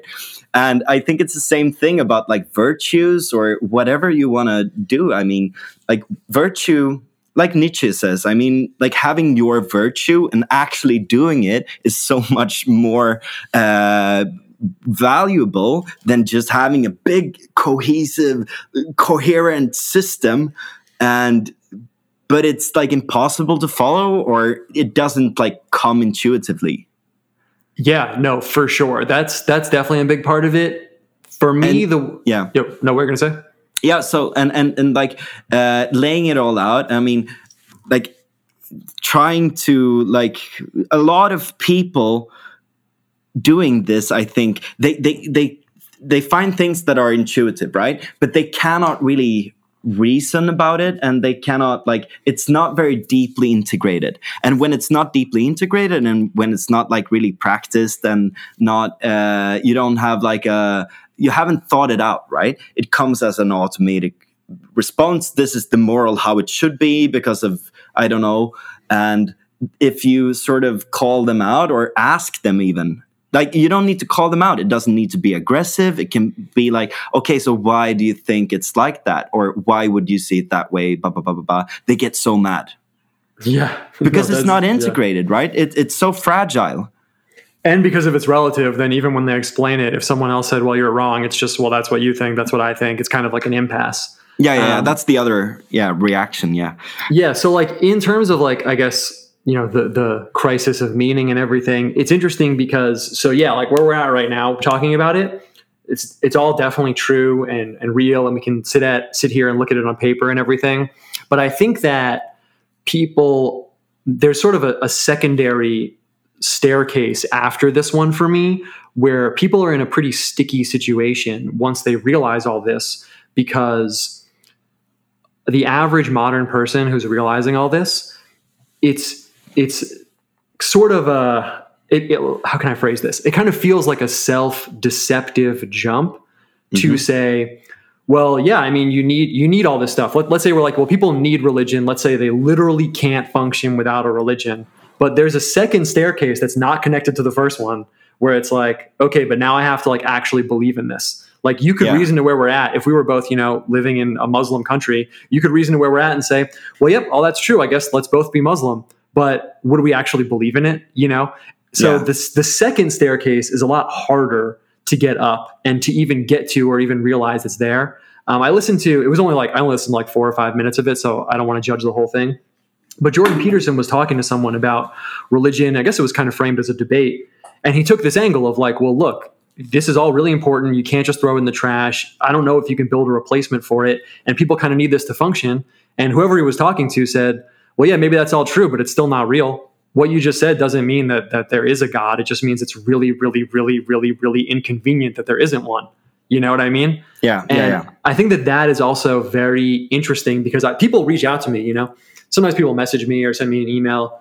Uh, it's happened quite a bit, and they'll say, you know, yeah, I kind of realized all this is true, but now I don't know what to do because now I kind of feel like, what am I just going to like put the blinders on and say like, well, yeah, God must be real, I guess, but I don't really believe in it. You know, so it's it's really interesting the point that you get to after that first staircase, and I almost it's like a like leap of faith right yeah, well, I almost feel like that's like really where the crisis really is because ever I think most people would probably agree with what we're saying. Maybe maybe not the really extreme ones, but most people would say, yeah. I mean, they kind of say it sometimes. They say, you know, religion's good for people. I see it help people in their lives and stuff. But then to actually believe in it is like a secondary step. I've thought about that a lot because for me, I really do feel like I reasoned myself into the existence of God and the supernatural and everything. But it's kind of different to pass the torch on to someone else. You know, I could like lay out the argument and say, Yeah. here's why I'm like 100% sure, um, total 100% confidence. But it doesn't work the way, you know, two plus two equals four. Here's two apples. Here's two apples. Now we have four apples. It's a very interesting space where calling it intuition maybe plays it down too much. That sounds like, oh, I feel like we should go get ice cream later. But reason, it's not pure reason the way we can reason about, you know, the angles on a triangle or something. It's it's almost like a third middle path or something. It's it's Mm. kind of hard to figure out. Yeah, I agree. And it's like, I mean, you can, it, it needs to come from you, right? It needs to feel intuitive and like it's coming from you and it's like you're doing it in, in a true manner or you reason, you reason around it through a true manner as well. And like you can read a book on how to swim, but you still need to fucking jump in the water and swim to do it, right? Yeah, exactly. Yeah. Um, and and I think like also like I, this is maybe a weird metaphor, but I mean uh, a lot of people have you know uh, connection issues, uh, commit commitment issues, you know, mhm. um, like to to partners, to to jobs, to ways in life, and all these things because there's so many alternatives. And I mean, a lot of alternatives is good, right? Because a lot of you know people are pretty different, so it's good that we have a lot of alternatives. But it's a- lot of people get like overwhelmed by the different possibilities of things that could be right so they try to systemize it you know and and especially when it comes to wisdom and meaning and uh, virtue and all these things right but uh, sometimes you could also i i think not eh, not think that you need to have a perfect system. You need to read it all through and then go into it but you can start like acting virtuously or like okay like i myself think these virtue, virtues are good so i'm gonna start living step by step by those virtues. And and and then after a while it, things become pretty self-evident right Yeah, I definitely think that that's part of the case for sure. Um, it's almost like a, I guess some people would say it's like a biblical concept. I don't know if I would say that because then a Bible scholar might say it's not. But there is this idea of like, see, it's funny. I'm even right now. I'm hesitating to use a certain word, even though I think this. I don't want to necessarily alienate someone, but something like sin, for example, yeah does cloud your mind yeah. And it per, it almost I, I think of it in my mind as like jamming the compass. It's like you're on a boat and you're like well uh, i don't know where to go. My compass isn't working. And it's like well dude you're the one putting all these huge magnets around it. Like that's why it's not working. Yeah. naturally it works. But if you don't if you if you put these you know big metal items around it it's not going to work like and porn, drugs, uh, bad yeah. food, and like yeah, yeah, yeah, I mean, like a, a really crude example, but one that's like true for me is like, you know, I used to smoke weed literally like 24 7. So, Yeah. of course, subconsciously, I didn't realize I was doing it. But of course, any worldview that would require me to stop doing that, I'd be like, well, that's not real. You know what I mean? Just because we have an almost infinite capacity to, uh, to, to like we've been talking about this whole time to bend our perception of reality around like our preconceived notions or what we want yeah, so yeah, I mean, I don't want to make it sound like it's like, well, if you just if you stopped watching porn, you would just become Catholic. Obviously, exactly. It's, it's not that cut and dry. Yeah, and it's not necessarily so dangerous to to do it sometime, but it's like what is induced in you when you do it. What are you missing out on? Like, uh, and and all these things, right? Yeah, I mean, for me, I would definitely say the the model that I use is like it clouds your perception. I really do think that I think also the evidence speaks to this that apparently if you survey basically every civilization that ever existed, apparently people come to the conclusion that there's some kind of divine something. The op- the only the only other explanation for it, the fact that basically every culture and civilization on Earth, from like a random tribe to Egypt to whatever, has a religion. The only other explanation is like, well, I guess they needed it, but that doesn't. It's not very convincing for me because it feels like, well, there could have been some atheist empire, you know, whatever. So apparently, in my opinion, people come to the conclusion that there is some divine or sacred something. And I think It- I, I think it could be the I- like it, the, the the answer to that could be in the other way, right? Uh, that that it's you know a bottom up thing. We have uh, uh, evolutionary adaptation for this compass. yes, yes, Yeah. you would have you would have to say it's something that uh, I guess you could say the organism kind of needs or something like that. Yeah, yeah, yeah. But, I really, I really do on. think. Sorry. Well, no, you're good. Uh, I feel like, yeah, I think when the perception is, see, I don't want to say clouded because it's not like if you meet some random person who's like a really good person and like an atheist, it's not like I would go to them and be like, oh, your perception's clouded. That's why you're an atheist. Mm. It's more just like we live in this almost like pond and tide pool where there's stuff in the water that this is just my own view makes it harder to see I mean, I think obviously God does exist. That's my own conclusion. And I feel like there's something like in the water in my fish pond that I live in that makes that not as obvious as I think it it would be in let's say more normal circumstances. Mhm, And the problem is that a lot of the things that make it not obvious for most people they're stone cold real. You know, like uh like most people don't think earth is the center of the universe it'd probably be easier to convince them that god was real if they literally actually thought that earth was the center of the universe Do you? um, uh, I'm kind of I'm kind of ambiguous on the space stuff to be honest with you. I used to I used to we talked about the obsessive epiphany. I, at first I was like this is sort of a separate thing but actually not really. At first I was kind of like you know maybe like all this stuff isn't real like all these photos I'm seeing from NASA and stuff. I kind of equalized over time to the point where I'm like it's sort of just beyond my event horizon to know if it's real or not. I should say that for most people, probably for like 99% of the population, my meter for I don't really trust what other people tell me, so I can't know if this thing is real. Most people would say mine is miscalibrated. I would say it's Mm. accurately calibrated. But yeah, I mean, space would be a perfect example. Like, I don't necessarily live in a world where if I like drove my car straight up vertically, like that I know what's out there, that I know it would be like this black void full of stars and everything. Maybe it is. Maybe it's not. I Yeah. have no idea. I guess that's kind of I guess that's kind of like totally insane for most people. But for me, my distrust of like institutions and all that stuff, I mean, you could get a telescope and look at Jupiter, right? And be like, okay, that's real. But I'm not going to say that I like know anything about it. And that sort of manifests in my life in like a lot of ways. Evolution is kind of a more like safe, ironically, sort of like a more safe place to land on because I'm kind of like, well, a lot of people smarter than me apparently think evolution is real, obviously. And I've looked at the evidence and I'm like, well, maybe I'm just not really equipped to like analyze this evidence. So I don't really integrate it like into my worldview. I guess someone could say it's kind of like a cop out, but for me, it's like I don't necessarily, a really accurate way to say it would be I don't necessarily grab that and put it mm-hmm. as a cornerstone of my worldview. I don't okay.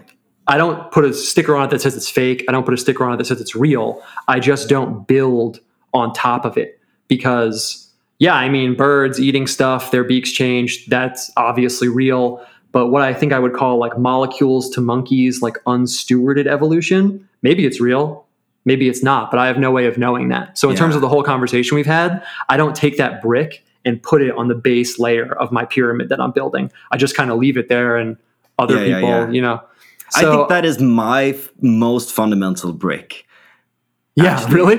Yeah. Oh, that's I- cool, man. But and and that's why I you know I I steer to memetics as well, um, analyzing. I I mean, even in the field of I mean social studies, politics, fucking you know national economy, like everything. I I, I sort of view through the lens of evolution. Also, but uh, also emergentism, um, yeah. emergentism. Well, yeah. Uh, See, it's funny because in that way, I'm kind of like a freak, honestly, because I think that if you asked like a hundred people what they thought about evolution, getting someone who was like, I don't know, would probably be pretty rare. I mean, I'm not trying to make it sound like I'm Yeah, yeah. extra intelligent. It's actually probably kind of the opposite. But I'm like I'm like that with a lot of concepts that I think other people see as like key and fundamental. And it's really interesting because like I'm not on the page of like let's go to the Creation Museum and watch this display of like humans playing with dinosaurs.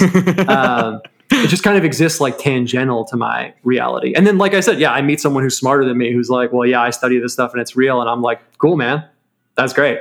yeah but it's also i mean it's also what you make of it right because uh, even though you have something that sort of points to the direction that it's right it's also okay so how do you really integrate that information and build something with it? How do you act on life? Like even you, even if you were giving all the facts of the universe what would you do with them?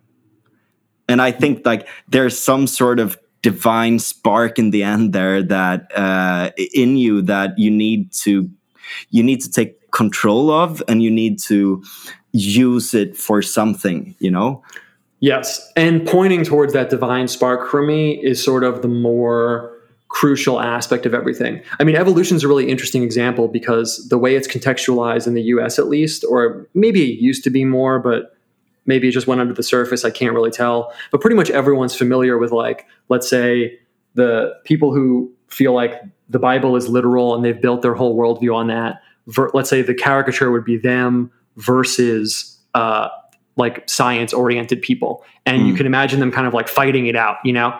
And it feels like, well, one of them has to be wrong.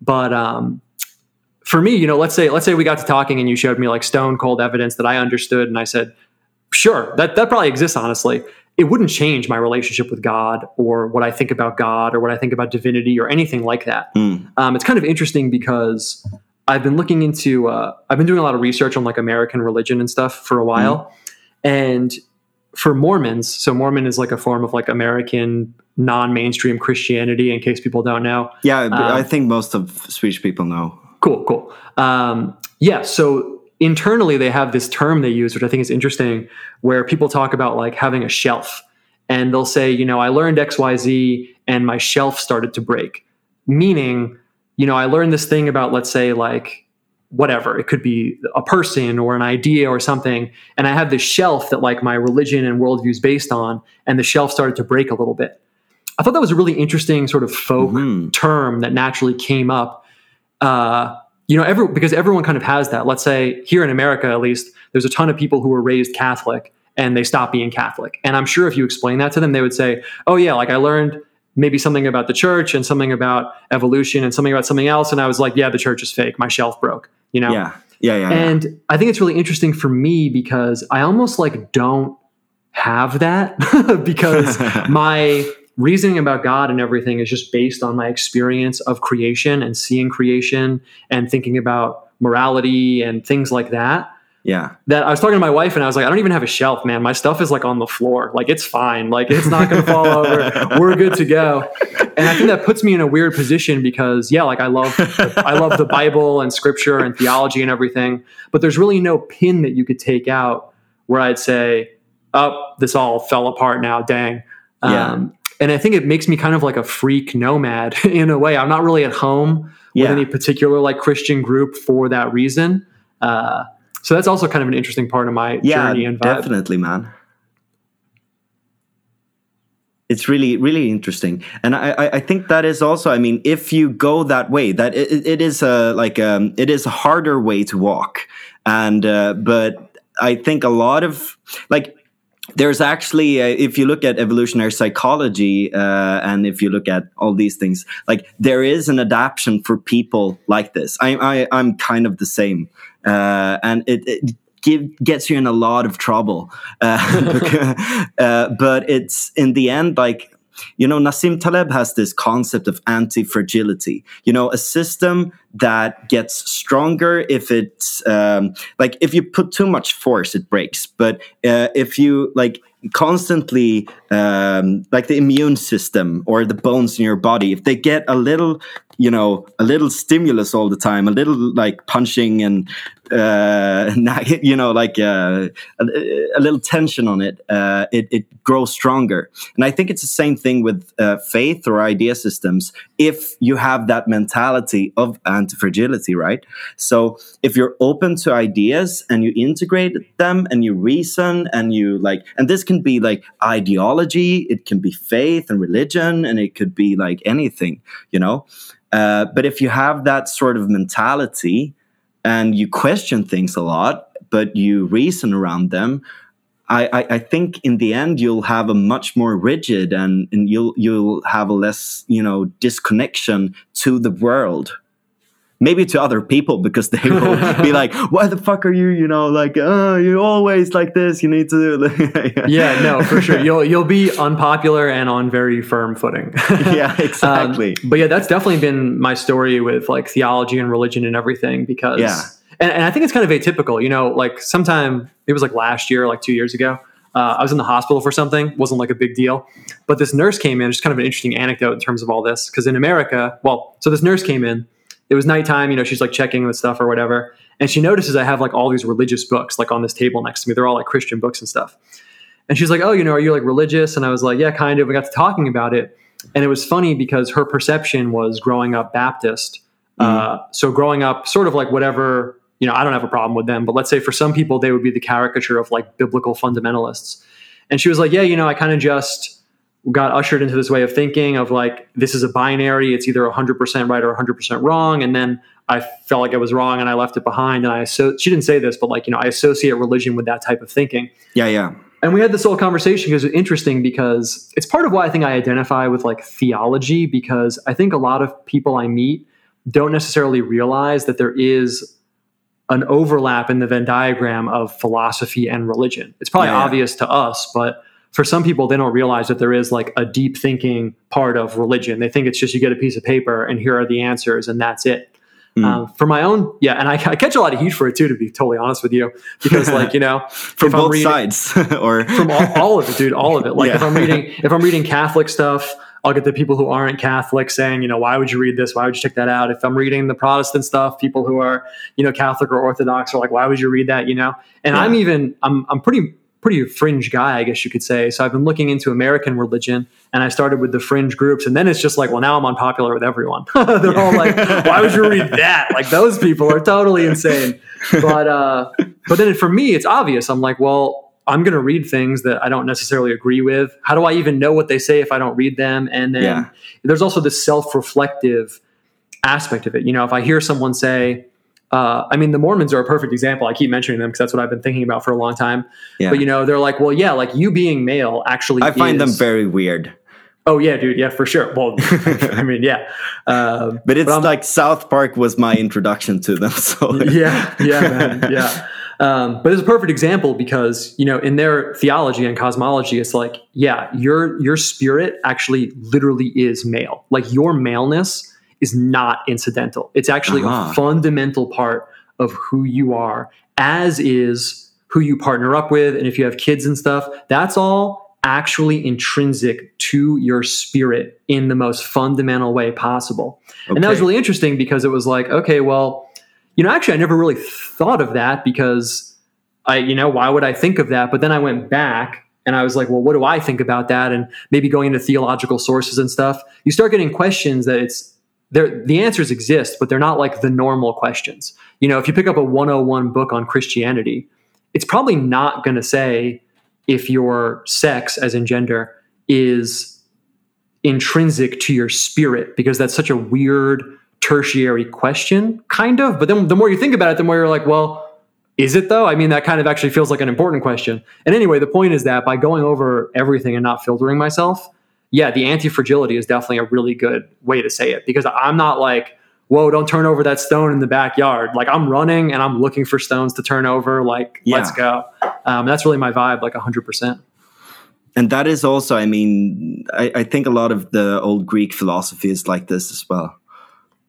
Yeah, like someone asked me, they were like, aren't you worried that, you know, if you keep looking at this stuff, you'll take on some like heretical ideas or something. And I was like, that's so, I mean, whatever, maybe that's prudent for some people.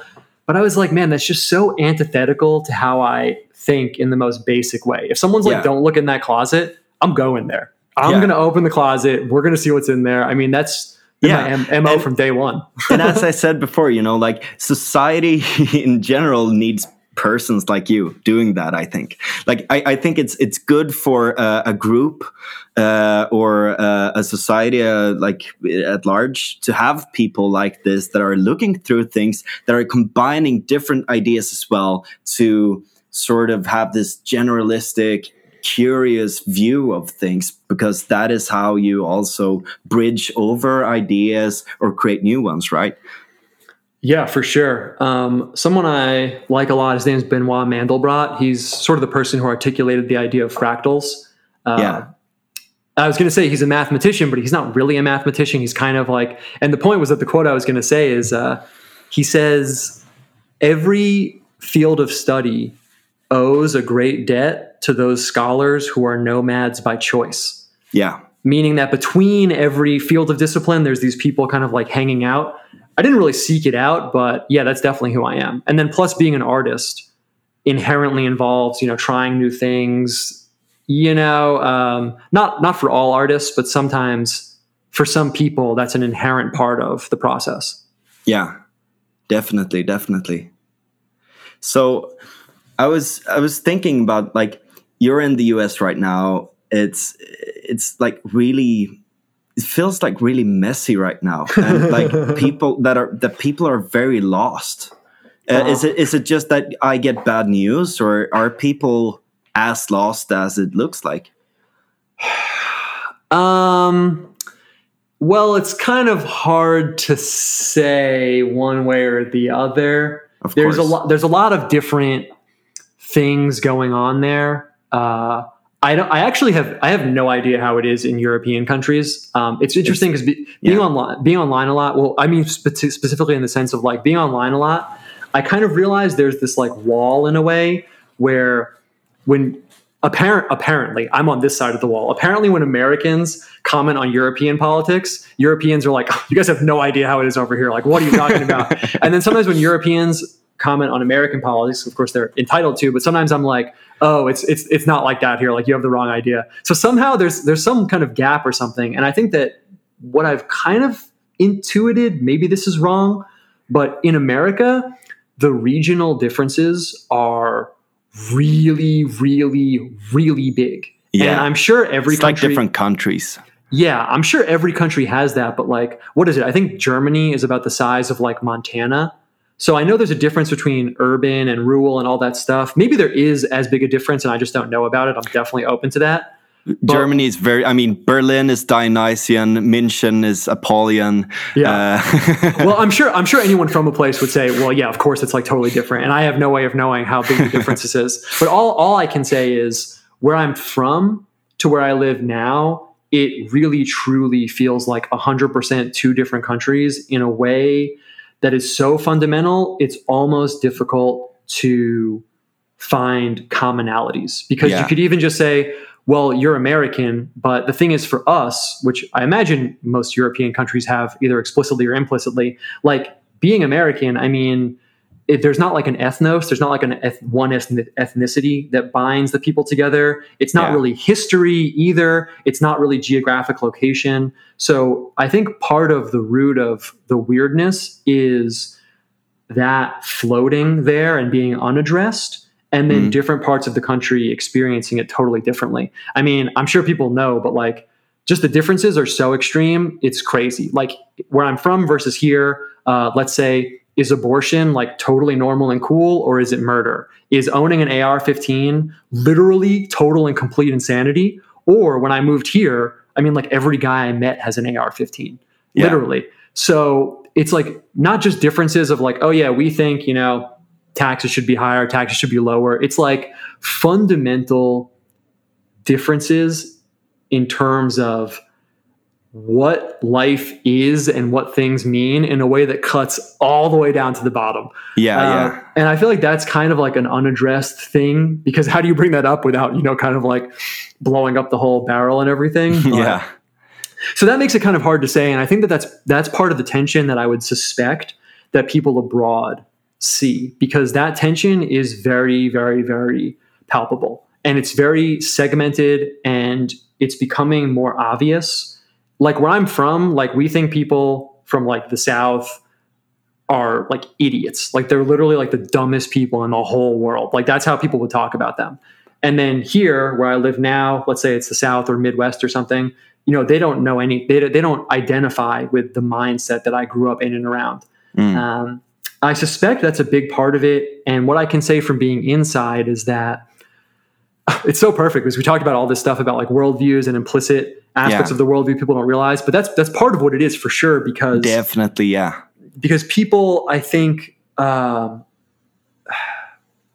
it's like okay, this is exactly the perfect way to say it. It's like all these issues come up, and at least my perception is that people think the issue is like the issue itself. But what it's really like is like if someone sneezes and they have like an underlying disease. We could argue about the sneezing and when they sneezed and how much they sneezed, but it's like the real issue is what's making them sneeze. Definitely. And I feel like all these cultural issues reverberate out from a fundamentally different theory of life and a fundamentally different theory of how things should be.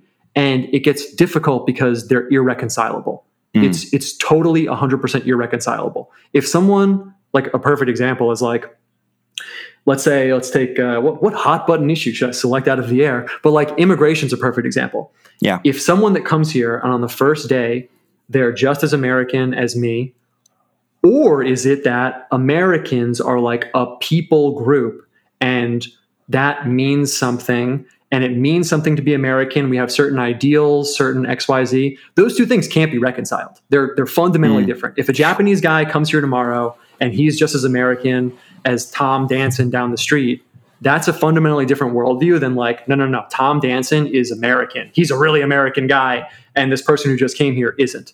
Um, but I think in, in the US you have like you still have the sort of thing that being an American is like um, you know it's a value system it's not ethnical but it's a value system right so it's like uh, you believe in the idea of america the idea of like uh, the pursuit of happiness and rights and uh, some like cultural things but like you still have different cultures but you have some pillars of uh, commonality in the, the bigger picture and the meta narrative of, of what the what the US is, right? The land of opportunity and all these things. Like we in, in Sweden, speaking of immigration spe- uh, uh, specifically, it's really interesting because we don't that, that, it was a huge discussion around this because like we have a bad history. We around like race things you know? We we made one of the first institutes for race science. Uh, and uh, you could say it was like um, uh, you know Carl von Linné uh, do you know him? Like he, uh-huh. he categorized all the plants and all that, and then he categorized humans, and uh-huh. then that led to like, okay, shit. So we have all these categories. They are uh, and and the Darwinian ideas and all this. So we need to research these things. And yeah, that didn't really turn out so well because the Germans took that in, the Nazis. Yeah, yeah, yeah.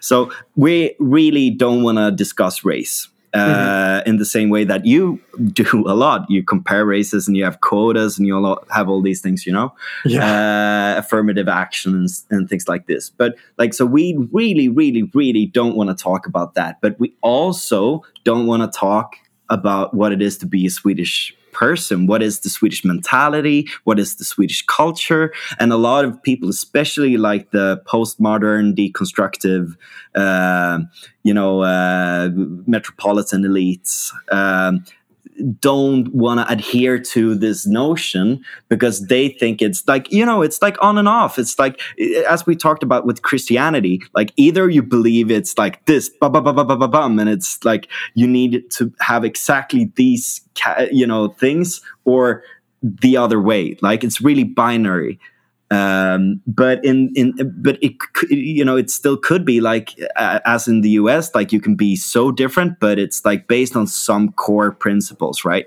so I think you have an easier time with that in, in that aspect you know Okay. Yes. Okay. So this is really interesting. So that's that's de- there's definitely a, a, very true aspect of that, but I could kind of paint it either way as which one's easier because if I was to caricature let's say what I see over there, it's like, well, let's say you have two German people and they literally don't agree about literally anything. I mean, they're both still German though, right? And they kind of yeah. have that. But the thing is, if it's ideas and principles, which let's say, let's just say hypothetically that's what it is over here, then it becomes actually in a way like dicier because then you have to say what those ideas and principles are and then if people deviate from them then logically you kind of have to be like well you're less american or is there a line you cross over where i mean let's say we take someone who's like yeah, I hate America. I hate, let's just say hypothetically, I hate yeah. America. I hate everything America stands for. Um, what, what are American principles? Yeah, those are all stupid. I hate them. And I hate every politician that's ever lived and the founding fathers. Well, if it's just ideas and principles, then we would have to say that person's not American.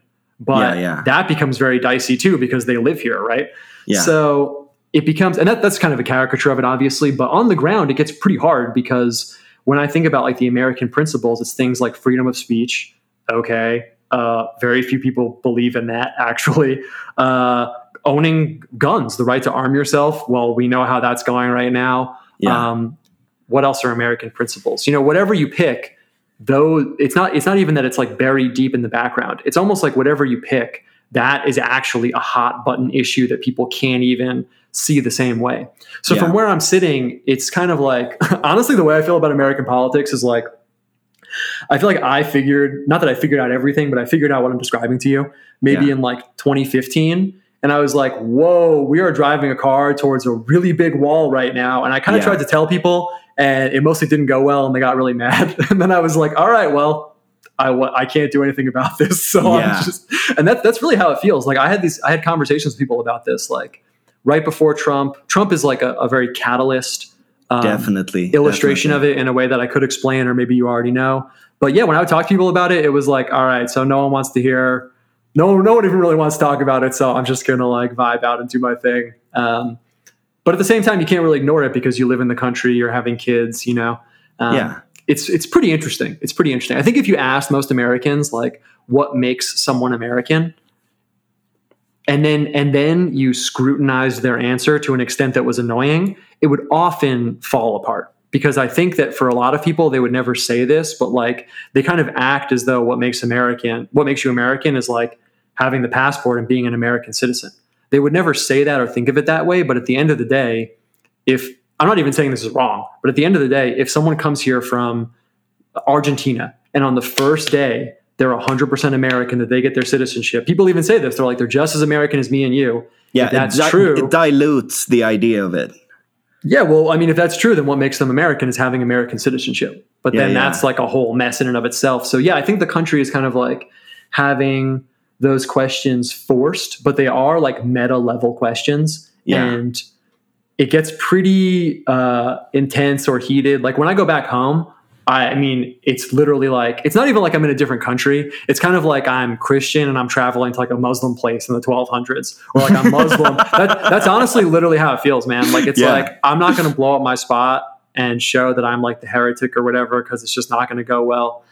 But yeah, yeah, it must look it must look it must look insane. Yeah, from the outside, from the inside, it's definitely just as insane, but it kind of makes sense in a way, having experienced it, and I've lived in like both, let's say, interior countries. I've lived in like red state land and blue state land. Yeah. Um, but yeah, man, it's definitely pretty interesting and it's like I, I, I believe it's like uh, like a her, hermeneutic uh, thing about like the, the the deep principles, but the way that they are sort of interpreted in the different camps have been so centrifugal lately. You have the woke people, then you have like the uh, the the reaction to that, or like just I mean. I, mean, I, I think the, the, the woke people are probably more centrifugal because they are pushing things far, man. Like to, from from like where it was to like how uh, in just a matter of years right? How how they're just pushing the limit all the time.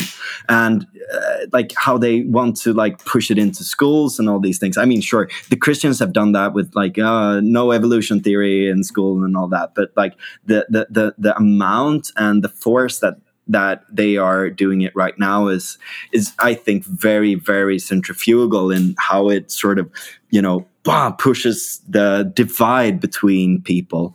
Uh, but yeah. also the and that creates counter reactions with the extreme right and um, I've been following um, the the uh, the right wing Twitter as well and seeing how people are getting more and more pissed off and like it's it's I, I, I guess it's uh, intuitive in some way that it's going that way and internet has sort of you know made an infrastructure for this to to happen as well and uh, how we have used it. But it's like uh, it's it's so weird to see it like unraveling just in front of your eyes you know? Uh, yeah dude for sure.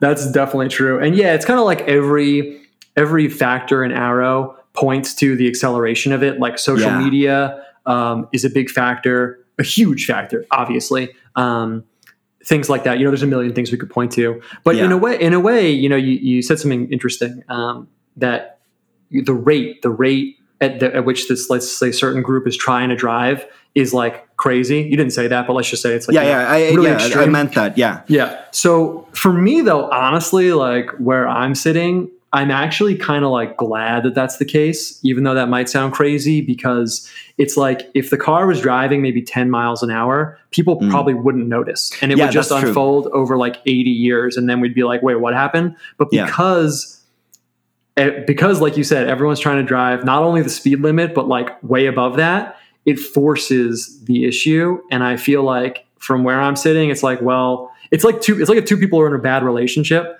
they could, you know, just kind of let it simmer for 30 years, or they could get in a really big fight and like put it all on the table. Mm. And in a way, the second one is scarier, but it's like, I would rather the direction that we're choosing to drive be conscious. And it feels like the only way yeah, we're going to have. True. That's a good point. But it's like, it can come to a point where it's sort of, you know, becomes extremely violent, right? Yeah. Well, you mentioned like right wing Twitter and like people on the right and stuff and everything. I think that one other observation I could say from inside America and also being on weird, let's say just weird internet in general, mm. is like the American conservatives and the American right are actually in like a pretty weird position that I haven't seen many or really any mainstream people articulate, but maybe it pops up every now and then in corners of the internet but they're in a pretty weird position and you see it on the ground too because like baby boomers they aren't really online but they don't really like censor their views if you talk to them in real life. Yeah. So it's like if you imagine like you know there's a lot of people like most people especially conservative people in general i feel like they really did believe in like the american process and the american project and well if you do everything right and vote for someone you want they'll do what you want and then maybe the other team will vote for someone they want and they'll do something they want and it's like that's kind of how it works you know that makes sense. But i feel like after trump one thing that is is sort of difficult to see maybe from the outside just in my opinion is that the media was so like every day like oh my god did you know america is like collapsing at the seams because of trump? Like everything. But like the, the thing is like actually like again i'm not saying this is a positive or a negative but like he really didn't actually do that much in terms of policies and what he said he was going to do and changing things. It really honestly like on the ground in terms of like laws and things actually happening. Maybe I'm dumb and I'm th- I'm I'm missing like the mountain of like, you know, legislation or whatever, but it kind of feels like what he was portrayed as and then what actually happened were totally different. I mean, immigration yeah. didn't really go down that much. We didn't really get the wall. He banned some gun stuff. Uh, freedom of speech didn't really happen. I mean, we have freedom of speech, but you know what I'm saying. He wasn't like yeah, you know, yeah. jabbing and poking people about it. I mean, the guy when he was running talked about like banning Muslims from entering the country. Like that's not who was running the country for four years. So my point yeah. is that I think American conservatives and the right are kind of in like a weird position because they're like, okay, so we elected literally the most crazy saying the most extreme they wouldn't phrase it this way but like we, we elected the guy who was like i'm like a wrestler. I'm gonna get in there and i'm gonna shake the tables and everyone's scared of me but then nothing really happened. Yeah. So i think they're kind of in a weird position because they're like so if that didn't change anything then then what is going to change anything? I mean yeah. honestly it's, it's actually crazy to think about in retrospect like if electing the guy who said he was going to ban certain religions from entering the country didn't shake things up, it, it kind of feels like for good or for worse, then probably nothing's really going to shake things up. Yeah. So that's a really interesting position. I think a lot of people are coming to, and it's kind of a weird conclusion. I mean, there's a lot of places that, you know, this kind of takes me, like thinking of early America and things like that, thinking about American Christianity American Christian groups. It's interesting, man, because America's like a really weird place. You know, in a way, we're founded on like religious liberty and everything. But then you know, again, it's funny. They keep coming up because it's a big part of my like studies right now. But like America's like, yeah, be whatever religion you want. You can be any religion. But bro, the second the Mormons got on the scene, they were like, not like that. Yeah, not like that, buddy. So it's interesting because America has like these ideals it's like built on.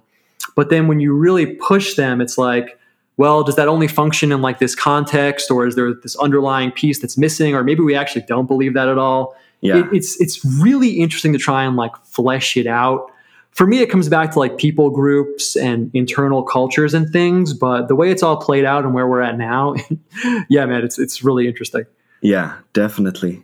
I mean, we have sort of the same thing in, in Europe as well, uh, and in Sweden even. There's a big divide right now, um, and and sort of the same. I mean, Sweden is. I mean, we joke around that we're like another state of the U.S. sometimes because we we are really like connected to American culture and ideas and and all these things. But like it's but in in another way, like in a in a with with a strange strange uh, language that is similar but not you know yeah. um, so and i i think like this is probably something that the entire I, I I got stuck with the the thing you told like uh, about laying the cards on the table. This is this is the ideas. What are we gonna do now you know? I think that we're really in one of these sort of uh,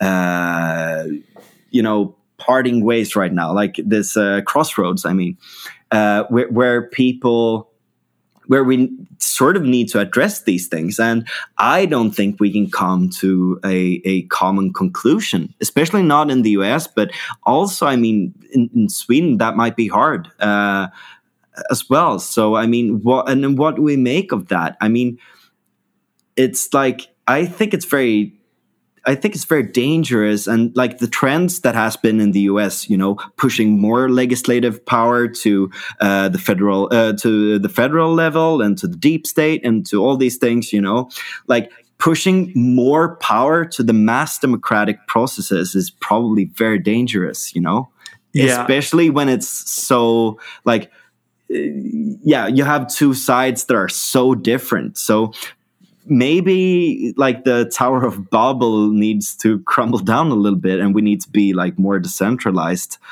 because otherwise we'll, you know, like fucking start yelling at each other.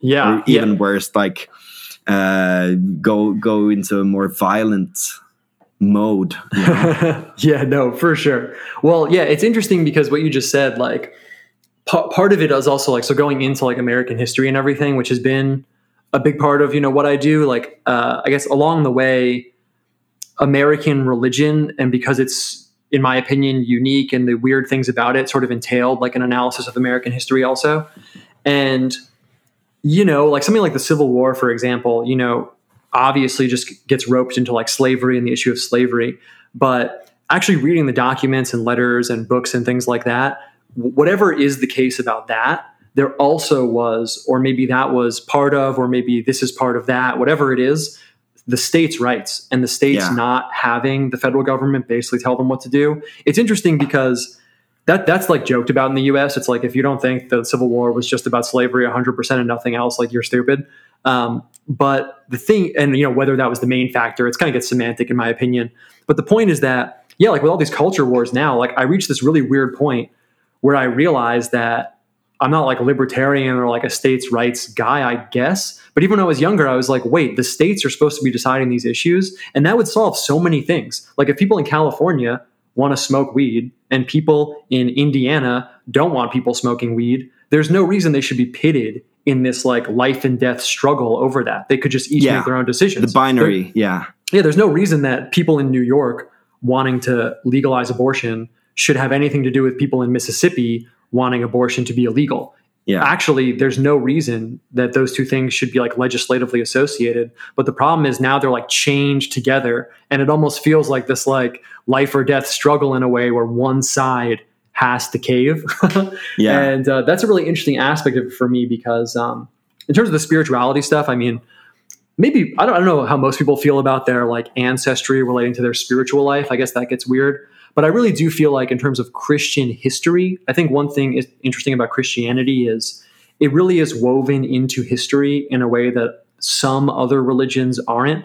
Like in Christianity, you know, God became this particular guy at this particular place under this particular ruler, and it overtook this particular empire in a way that, let's say, like Buddhism, I would say, isn't as tethered into the fabric of history, even though Buddha was a real person and stuff. Maybe mm. Hinduism is a better example, or Taoism or something. You know, Christianity is really woven, in my opinion, like DNA strands. It's inseparable from yeah. history and its historical development. Maybe other people would say that about their religion too. Sure. But yeah. my, my point is that I really do feel like America has played some role that I would describe as like providential in the unfolding of like Christian history so it's really interesting going into all this stuff for like a secondary, deeper reason. Like you can't separate Christianity from the rise and fall of the Roman Empire.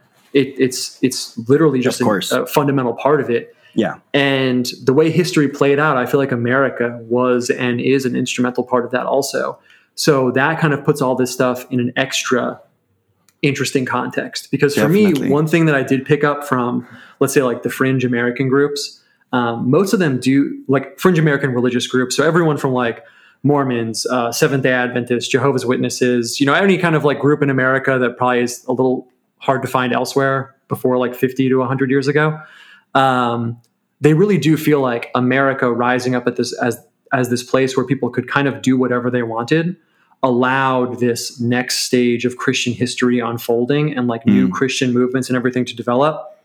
I kind of do feel that way. So it just puts everything else like that we're talking about with the politics in a deeper light. Sometimes I think people feel like politics sure, yeah. is just like superficial, but it's interesting. And then there's a secondary, you know, just keeps it fractals out going deeper and deeper because, you know, yeah, like the Constitution, like we kind of have like turned our back on it and people kind of hate the founding fathers in some places. And it's like, it's just really interesting to think about this like identity and empire that rose up and now everyone's watching as it yeah. hits these pedal to the metal black or white issues and it's it's it feels kind of cosmic. I mean, yeah, I guess that's weird to say, but man. but it really it really doesn't. I think it is in a way. I think it is. I mean, if you were in Rome at a certain late game point, you'd probably feel like it was kind of cosmic also. But I really do feel that way.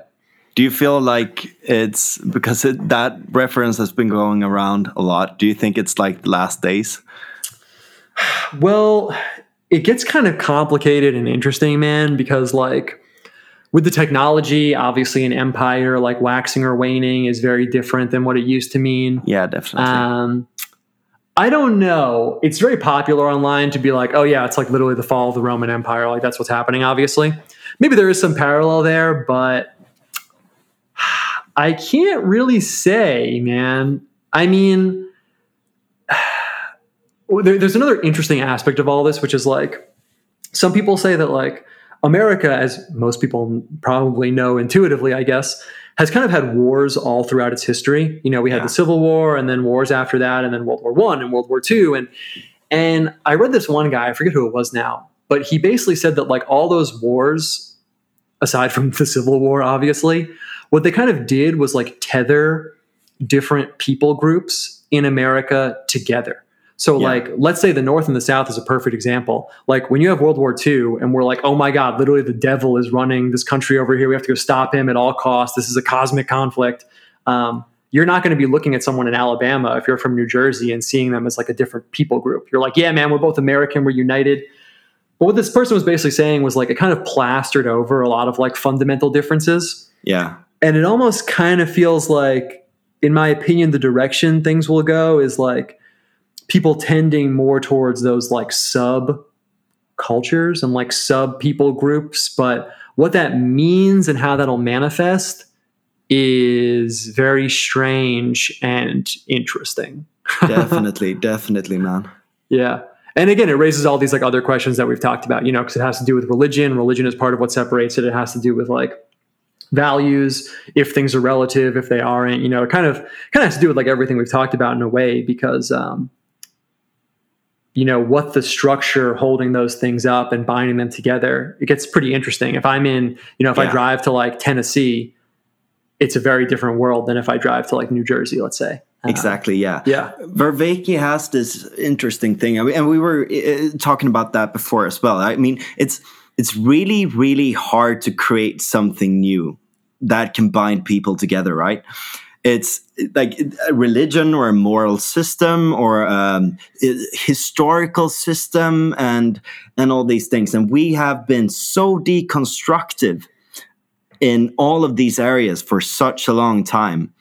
And i mean why are we surprised that people are pitting you know groups against each other then? I mean if if you spend so much time deconstructing these sort of values, fundamental values, and you have nothing new that gets in, people will separate. And it, it's hard to create something entirely new that can replace that. I mean, I think you have to. I think you have to borrow for, from like, okay, what was it that connected us in the first, uh, you know, in, in, in the first time? Um, what uh, are the sort of things that are binding us together. And I, I, I think that it's possible to create something like that. Uh, but people need to be open to do that. And people need to be like, okay, we're very, very different, you and I. We have different sort of maxims, virtues, or universal truths or morals or stuff like that. But like we can agree on these fundamental things in our history, in our morals, and in the idea of like, you know, the, the star, uh, the divine star that is leading us, uh, the divine self or the, the guiding star that is leading us forward, you know? Uh, and I mean, it's I, I think excluding religion, excluding wisdom, and excluding sort of you don't need to like totally agree on morals and and history and all these things, but like some common ground is needed to to hold things together. There, I think. Yeah, I totally agree, and it's hard to see something outside of religion really doing that. I think religion, yeah, very also- di- uh, like uh, at least something very dissimilar to religion. It doesn't need to be religion in the sense of like here is you know the Bible, bam, read it. But like something that is religio, something that is um, like connected to how religion works, right? Yes, yes. And actually something that something so something else I I think about a lot and that maybe drew me to religion in the first place is that so you're you're talking about that, right? And I'm like, well, you know, what would it be like a philosophy or something? I mean, I guess you could say like maybe maybe that's one option, but there's something very like brilliant. I would say often it hints to their like divine structure, and it has mm-hmm. to do with you know we talked about aesthetics and, and the images and everything. Yeah, about religion where it is easily uh, it is apparently easily imparted to all different kinds of people. I mean, you could be 30 IQ and be Christian, or you could be 300 IQ and be Christian. It's there's not really a barrier in terms of intellectual ability or mm-hmm. anything like that. And there's something about religion that I don't necessarily see with philosophy. I guess you could say like some ideas are like that, but that's a really interesting aspect of religion yeah, that that's true. Really fascinates me. It's almost like you know you can go as intellectually deep as you want but it's really easy to get people on the same page and sort of like separate from the politics but going into how that works has also been like a very very interesting process for me because christianity is kind of a perfect example i mean most christians have never read thomas aquinas or augustine or yeah. probably really any christian philosophy at all but yeah. there's something about the vehicle of religion and Christianity that just imparts the worldview to them. Um, you could say maybe some people don't get it, and then you know they get that's part of why they fall out of it, maybe or something. But yeah, man, in terms of like people groups and binding them together, and then it dovetails with the art and, and scripture and other weird ideas.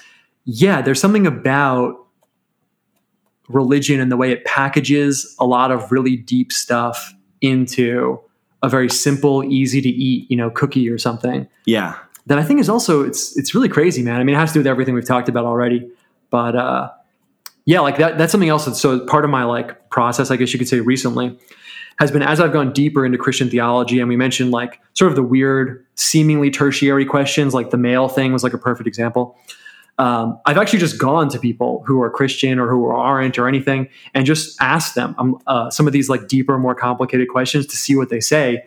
You know, and that's been like really interesting too, man, because it, it elucidates a lot of what we talked about. Where you're like, you've never thought about this, maybe, but surprise, you actually do have an answer somewhere bed, embedded down in there, and yeah. uh, I actually want to know what it is.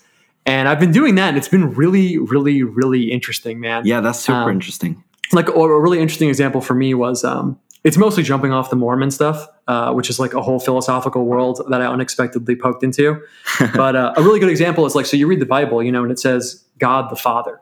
It says uh, God the Father. He's Jesus is Jesus is his son. It says He all the time. But it's really interesting if you ask people.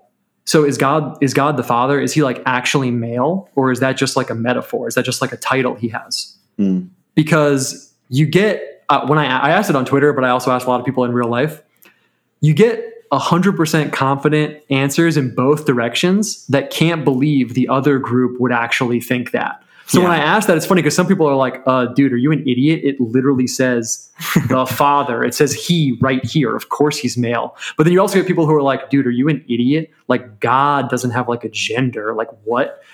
And it's interesting because you can get two people who, you know, are the same religion, the same everything, but like you never push that button to see like what the answer is. So I've, yeah. I've, had a few like questions like that I've been turning over and thinking about myself and getting the folk answer, just normal people who aren't reading like 900 page book answer. I feel like it elucidates a lot about like the structure of the belief system and what's like embedded deeper in there. Yeah, yeah, yeah. Yeah, that's interesting. And like the the intuitions people have for that is sort of like it, it shows a lot about the how how like the how the religion functions right? Like you can you can reason like you don't have to be super smart to reason. Like we we're still human right? So yeah. things that come intuitively. And and you kind of have to have an answer for it even if you never realized it. Like here's here's a really good example.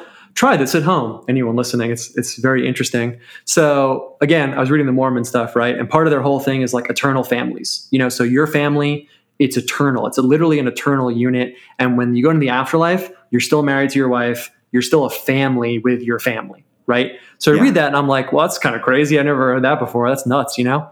But then I thought about it and I was, and these guys are like freaks and weirdos in American culture. You know, I don't think that, but like the popular culture is like, look at those crazy mm. people. So I was like, huh, that's a really weird, unique idea that's unique to Mormonism. And then I thought, but wait a second. When I ask people, when you ask anyone, what do you think what do you think heaven's going to be like? What are you going to be doing in heaven and all that stuff? Dude, most people say, well, I'm going to be with my family.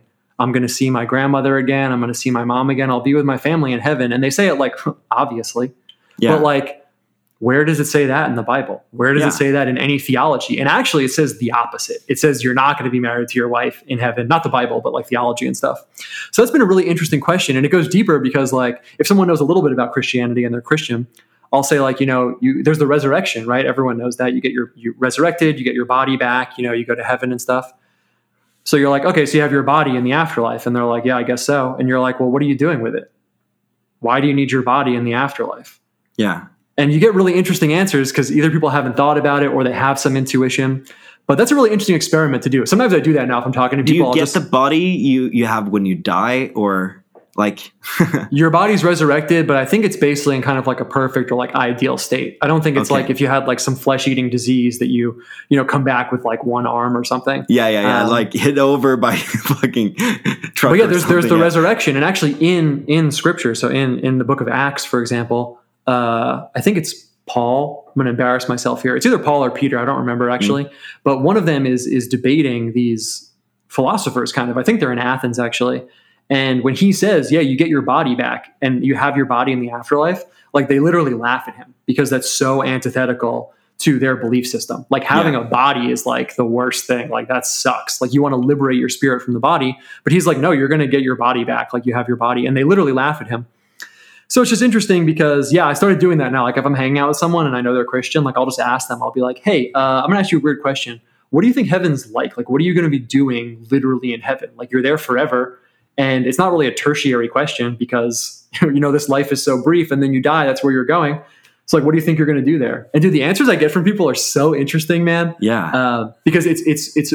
I got this metaphor from someone once where They said if you have a tank of water, you can take, and it's clear, obviously, you can take uh, an ink dropper and drop some ink into the water, and all of a sudden the ink will uh, flow in a certain way and show you these currents and motions in the water that were invisible before. You can't see motions in clear water, but if you drop some food dye in, you can see mm. how the water's moving. Yeah. It's one of those questions that does that. It just boom immediately. Because some people are like, That's well, I a guess very I'll- good metaphor. Yeah.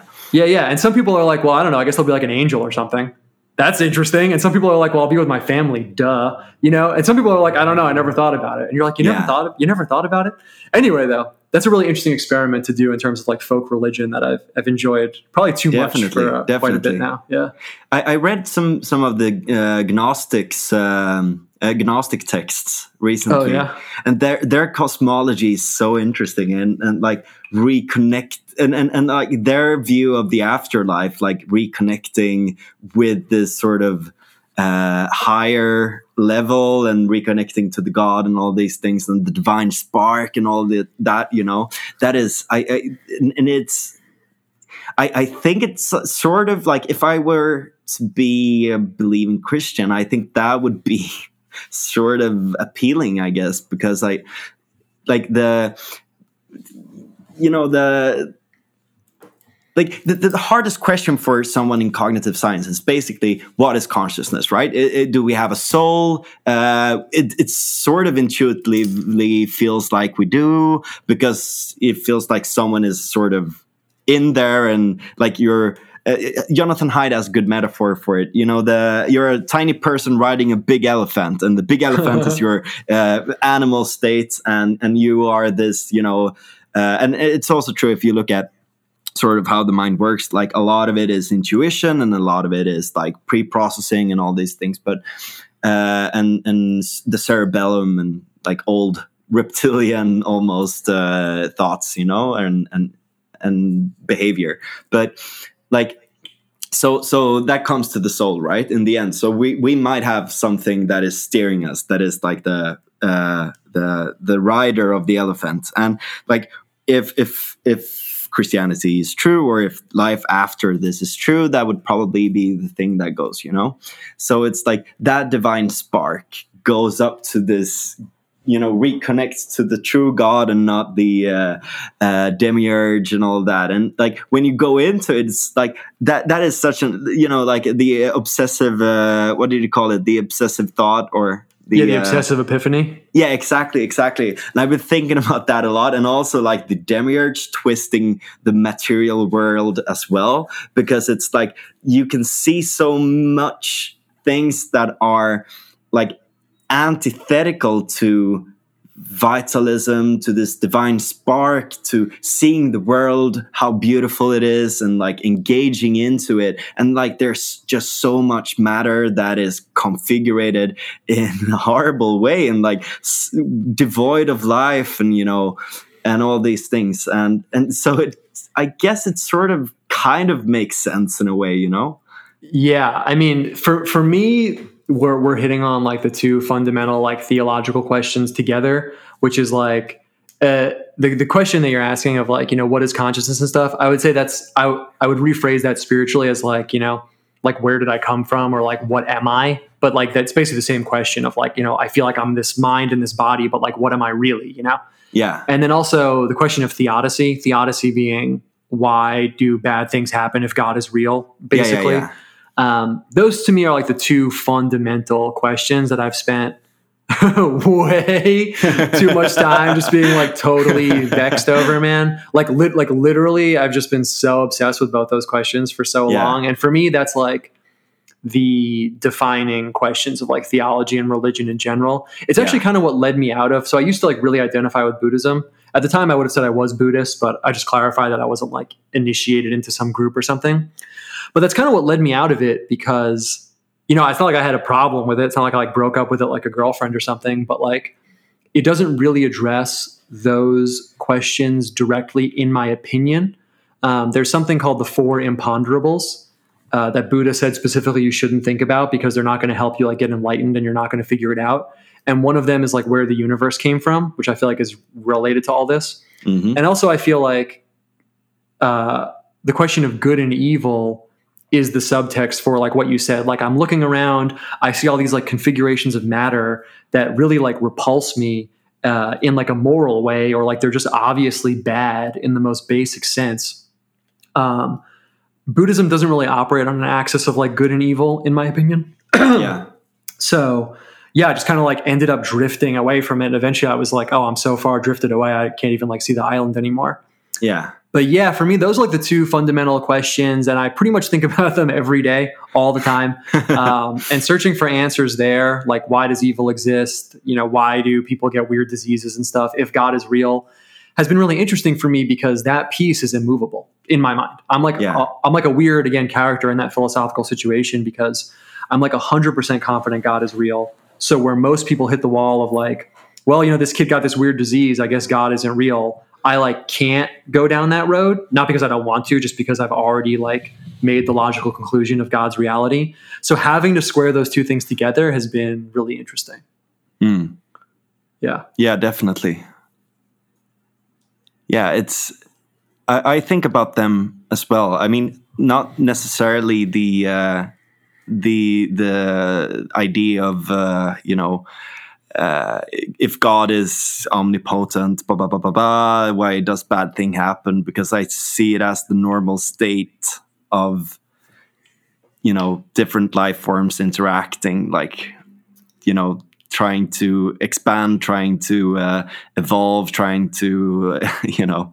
Yeah. Uh, totally. Yeah. So I, I think that is like the easier answer, but I mean that sort of goes into this Gnostic view as well. Uh, like the material world uh, is not evil, but it's I, I wouldn't call it evil as the uh, as the Gnostics do, but like the the natural state of of uh, nature is very brutal, right? And it's um, it's almost you know everything tries to kill everything to get more power and to grow and to do these things and humans do it as well but we have this sort of spark that also sees so much good and art and you know ways of living and enjoying like the act of actually you know deeply enjoying something or finding something holy or meaningful or you know the transjective thing between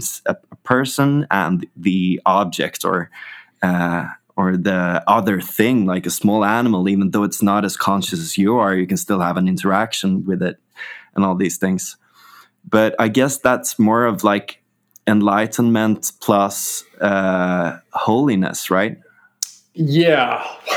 yeah. Well, I've been kind of hanging out in that in that folder for a long time and it gets really interesting because it starts to become partially a question of like presuppositions Yeah. and that's kind of where I'm at right now, which again fits my uh, motif of being universally, uh, universally both popular and unpopular. I think everyone's like, "Oh, that guy's Yeah. a nice guy. That guy's a nice guy. He makes cool art," but like, I don't really fit in like any group, is what I mean. Just kind of joking. Yeah. But yeah, man, like the contrast between like what you said, like, well, the sacred. You didn't say this, but like kind of the sacred and the profane. If there's sacred yeah, exactly, stuff, yeah. that means there's like not sacred stuff. But wait a second, like a sacred stuff kind of entails divinity, and so if God is there's some kind of divine stuff, then what? Does it just not have control over this world? Am I in a world operated by like a devil or like demiurge? Then I think that's kind of like part of the allure of that Yeah. idea. Is it kind of feels like it explains it, but it's like every step you take. The way I, I, I use an analogy for my with my wife, where I was like, it feels like every step you take, there's a box, and then the box explodes, and you have to put the box back together before you can take another step yeah because if it is like a demiurge or something, I mean, I don't think that, but let's say it is. Well, then that just raises further questions because if the demiurge isn't like the real God and there's like a real God beyond him, then the real God has to be like more powerful, right? So then the real God must like let the demiurge control the world or something, and then you kind of just you kind of just pass the buck backwards a step because then Yeah. the demiurge is like the servant of the real God, and he's kind of probably just doing what the real God wants anyway. So it's like the, the he's box just thing. following orders yeah, the box thing is perfect because it's like every step, like a Fabergé egg, like explodes, and then you have to pick up all the tiny pieces and be like, oh, wait a second, but if this is true, then this is true. I've been toying around with a lot of like presuppositions in a way because part of the uniquely American Christian thing is a lot of people would say this is pathological. I'm sure it takes an extent that's pathological, meaning it could become like a bad thing. But they're like, yeah, there's all this like theology and philosophy and stuff, but like we're just going to read the Bible and see what it says and like kind of discard all this tradition and stuff and start from scratch or just start from the Bible, let's say. So a lot of it involves tweaking presuppositions in like a pretty wild way for classical theism and for classical Christianity. Um, for example, you know, most Christians I feel like would kind of intuitively answer the questions we're talking about of like, you know, bad stuff happening with like the fall. You know, Adam ate the apple, it fell, yeah. we're kind of like supposed to be in the garden. But again, the box explodes and you're like, wait, so we're like supposed to be in the garden? Like that just makes this whole that makes this whole like life like animals. Yeah, that makes this whole life like kind of meaningless, you yeah. know, doesn't it? And then you know, you get a lot of questions like that. Matter. For me, the biggest kind of piece of the puzzle that I've been toying around with that gets pretty wild. I, am able to toy around with ideas even if I don't think they're true or not. I kind of just of table. course, me too. That. So I think it's me, I think it's important. Yeah. So for me, one of the wildest ideas is creation ex nihilo, which basically means creation from nothing. Um, creation from nothing is like one of the most basic presuppositions and posits for classical theology that God made the universe from nothing. So the thing is that what I've realized is whether that's true or not, if that's true, then that means that basically it always comes back to God. Everything that happens, basically, because he like kind of set it up that way. Yeah. You can kind of fudge it a little bit with like free will and stuff, but at the end of the day, if I like made a room and I made a person and I put him in that room, it's kind of like I can't wash my hands totally clean of that, is what I'm saying. Mm. Um, so what's interesting is that again it comes back to them it's like the underlying theme of my life right now but like for the mormons they reject creation from nothing they say that matter is eternal and that there are these other eternal things that exist alongside with god so yeah. it's very interesting because it sort of takes a big brick out of definitely the yeah. tower that we've built because then you're like well that's crazy because if there's other things alongside God that are also eternal, it sort of dislodges the whole situation and you're playing like a totally different game. And then it's interesting because if you go in scripture, like the first thing it says, you know, God created the heavens and the earth, God's face like moved upon the waters. Most people would probably say you're stretching it to like a Gnostic extent, but then other people would say, well, it doesn't explicitly say he like manifested everything from nothing it becomes this weird like semantic philosophical thing that I'm trying to figure out because it's like it, it's like that ink in the water thing where it elucidates everything. Because like let's say you're reading the Bible and it says God made everything, but you're like okay, but when the person wrote this, were they thinking like in a in a highly metaphysical philosophical sense of everything including like space and time or did they mean everything like all the stuff in life like all the animals and stuff and you kind of do this like weird linguistic, philosophical, semantic thing of like trying to figure out what all these statements in scripture mean. Uh, classical Christians would say, yeah, you're not supposed to do that on your own. That's why you have tradition, like people teaching you and stuff. But it's interesting, man, because I really can't put down the question of of theodicy and mm. where we come from and all that. And it just feels like I don't have any conclusions, but it really just feels like I have this is exactly what it feels like for me. It's like I have four arrows on the table and one of them doesn't fit with it's like i have four puzzle pieces on the table. Yeah yeah. And i look at each puzzle piece and i say well that puzzle piece makes sense. I look at the next one i say that one makes sense. That one makes sense. That one makes sense. But they don't go together. Yeah. And i'm like one of these so logically i'm a logical person. One of these has to change or something but I can't figure out which one. And that's been like that's like been the obsession. That's been like been a really big obsession me, for, with me for like a year or so, honestly. Because I posted about a little bit online, but you know, when you have a family, you have a baby, you know, people around you get sick or whatever. It's interesting because I feel like all this stuff was kind of like in the playpen for me. It was like just something fun I thought about. But yeah. then it was like, oh, now it's like pedal to the metal. Like, yeah, yeah you know, yeah. my kid's gonna look at me and be like, so like, why did my friend get like sick and like he's in a wheelchair if God is real? And yeah. I'm gonna have to be like, "This is well, on you, man. Tell me." yeah, I'm gonna have to be like, either like I didn't figure it out, or I don't know, or we can't know. Like we're in a big mystery matrix, or I'm gonna have to give him some kind of answer. So it's been really interesting, man. That's really been driving like a lot of my work and life for a while now. Is like I unexpectedly became like the spiritual head of my family, and it's like all these questions now have like really extreme significance. And because I'm so like logical and rational, I can't just hit the ejector seat that says, well, I'm just going to eject from the plane and like someone else will figure it out. So it's been very interesting, man. Not to like personally yeah. talk about myself too much, but it's definitely caused a lot of like vexation. And I've definitely had to entertain some like pretty heretical, weird ideas, but I don't really know what's true even. It's it's been pretty interesting, man. It's, it's yeah, actually yeah, it's been the most it's been the most interesting process of my life for sure. What is your ultimate argument for God then? Uh, for me, with the caveat that um, I don't think this is like provable in the sense of like measure this table, it's 12 feet, that's how long it is. I think it's a mix of like spiritual intuition and and reason, although I do think you can reason it out. Uh, it's two things. For me, one of the first steps is morality existing. Mm-hmm. I used to say when I when I first started and was just getting my feet on the ground, I would say if good and evil actually exist and we can reason that out, that means that there must be some arbiter. There must be a god or someone because good and evil is a value judgment. So there yeah. must be someone to make that judgment. I kind of toned it down a little bit because as I've tweaked with the presuppositions, you technically could say that good and evil just exist and they just are, and that's just how it is. It does like I don't forces, think, yeah, yeah. I don't think it necessitates an arbiter anymore, but it does necessitate playing in a world that is no longer just molecules and atoms and no yeah. longer just the physical stuff around the you. That's, yeah, that's usually how I phrase it to people because if we go through a thought experiment and we reason out, okay, good and evil actually exist as real things outside the human mind, they're not arbitrary.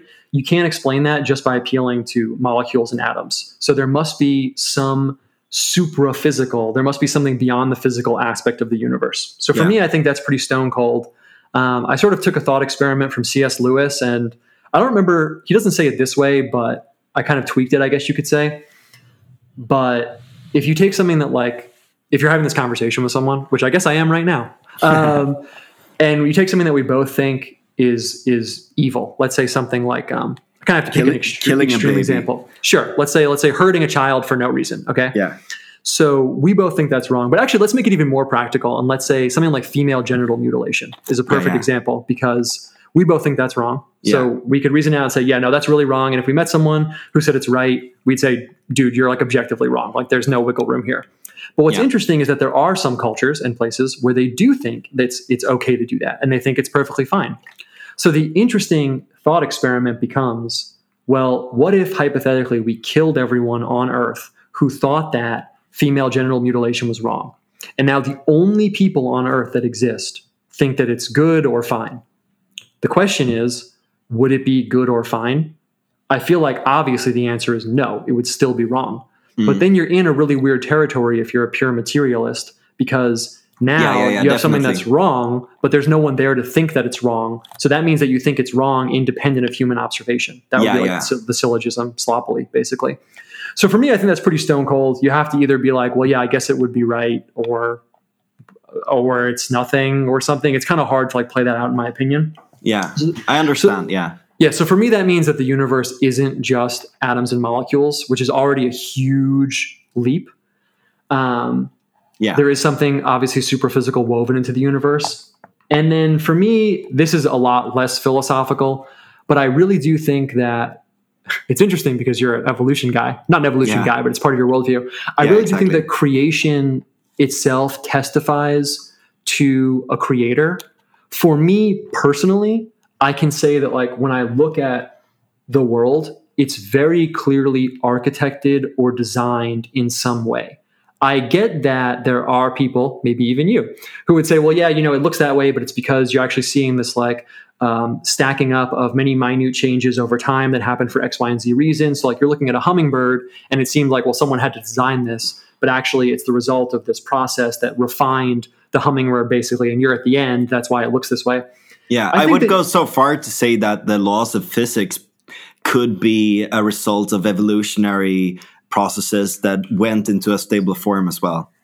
Uh huh. That's cool. That's that's yeah. really interesting actually. um, yeah. So I I'm kind of like 50-50 on on if someone could convince me of that. Maybe, maybe not. But for me, the pedal to the metal there would be, I guess, what I would call like the spark of life. Yeah. Um, it's even if that were true, let's say someone was like, "Yeah, the hummingbird, no, no designer. It, it's because of these X, Y, Z things." Um, I honestly don't think that, but I think an intelligent person could think that. Yeah. Um, the spark of life and the first living life forms, I think, I don't necessarily think it's impossible, but I think it becomes very difficult for the average person to sit down and imagine how that would even happen without some kind of, I guess you could say, like intervention in a way. Because in my mind, I would have to imagine wasn't there a point where there were no living organisms? Mm. I suppose the answer would be yes. So then there must have been like something crossing over from the threshold of, let's say, cold, dead materials to the first living organism. And then what Mm. does that entail? Uh, you know, cells have all these complicated parts. I guess you could make it as simple as possible, but there's still like a few parts to the cell. So I guess that maybe that could have just happened, but it also becomes kind of confusing to imagine like carbon and let's say iron or whatever. I'm obviously not a biologist arranging itself into a stable cell structure. And then also, I guess it would have to be self replicating. It would have to have some Yeah, like yeah. reproduction process. And while I'm sure that someone could come up with a complex explanation for it, and there, maybe there they- is actually entropic uh, gravity and some other things. Yeah. yeah, and me, also uh, quantum uh, evolution. Yeah. Yeah, for me, I guess so. So like, I distinguish between like a philosophical argument and like spiritual intuition. The first thing I said with the you know morality stuff, I feel like that is a philosophical argument. This one, the second one, is not. I just kind of feel like at a certain point, it becomes so out there for me to imagine that being the case. Someone could say I'm making an appeal to ignorance, which is fallacious, but I really just feel like the spark of life and life existing points to some other life intervening or something. That Hmm. doesn't necessarily mean it has to be like, you know, the biblical God. Someone could say, like, well, life's always existed and like an alien planted, you know, life here or something like that. Yeah, yeah, but you that it's infinitely re- uh, regressed. Like, oh, who made them? Blah blah blah. Yeah, for me, crossing the threshold of non living material into living material involves some really big tweak Yeah, and and for me i just feel like the idea of some divinity or something is the most logical answer yeah. uh, in that is total, that is you know my biggest obsession as well. Like that threshold. You know, yeah for one me of, also, one of them at least. Yeah. but for me see that that's all kind of like that's true and kind of like abstract but i really do feel like independent of evolution whether it's real or not um, or whether i should say whatever whatever role because i mean i'm not saying it's real or not. I should say whatever role it plays in life and life developing uh, i really do feel like creation to me does testify of some creator. Maybe Mm. not in like the let's say like naive sense of like there's a bush. Someone had to make this bush. But my spiritual intu- intuition there is so strong that for me it's like 100% confidence. Like when i look out at Yeah. nature and creation and everything and stack it on top of everything else and aspects of humans and human nature and everything i'm like i'm like i'll put all my chips on on that bet 100% i really do. I have thought about it a lot. Um, Yeah. i had this like medical thing you know and i'm i'm, I'm fine but for a while i really was like oh i could like die or something like that's crazy. And i really was like i am honestly 100% confident that god is real. I mean i guess i'll be pissed if i like die because i have like stuff i want to do but i don't feel like i'm walking into a room where i don't know what's there. I'm like i'm 100% 100% confident. And it's like the brigham young quote i mentioned before like Yeah. maybe i can't reason out like aspects of god or specifics about his personality or nature but like the idea of something being there i'm like i'm 100% for sure Yeah. yeah, and I guess That's one more thing, just because just because a lot of people listening might kind of get the wrong idea with like the evolution stuff. I just want to make sure it's it's not like pigeonholed into the kind of like normal debate about it. It's more like what I would say if I put a finer point on it is let's say we go to like an art museum and there's all this like incredible art. I just feel like that is not explicable to me personally in total by appealing purely to scientific aspects of explanations for reality.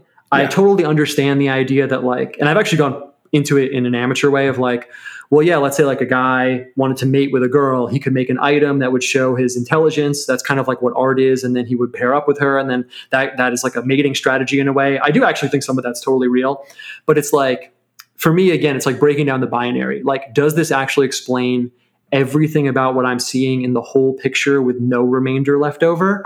For me, I've come back to it time and time again, and I'm just like, I feel like there's something else in the mix. It's usually yeah. seen as a binary of like, well, it's real or fake, and it's either one thing or the other. But I just feel like at the end of the day, something else is in the mix to me, clearly.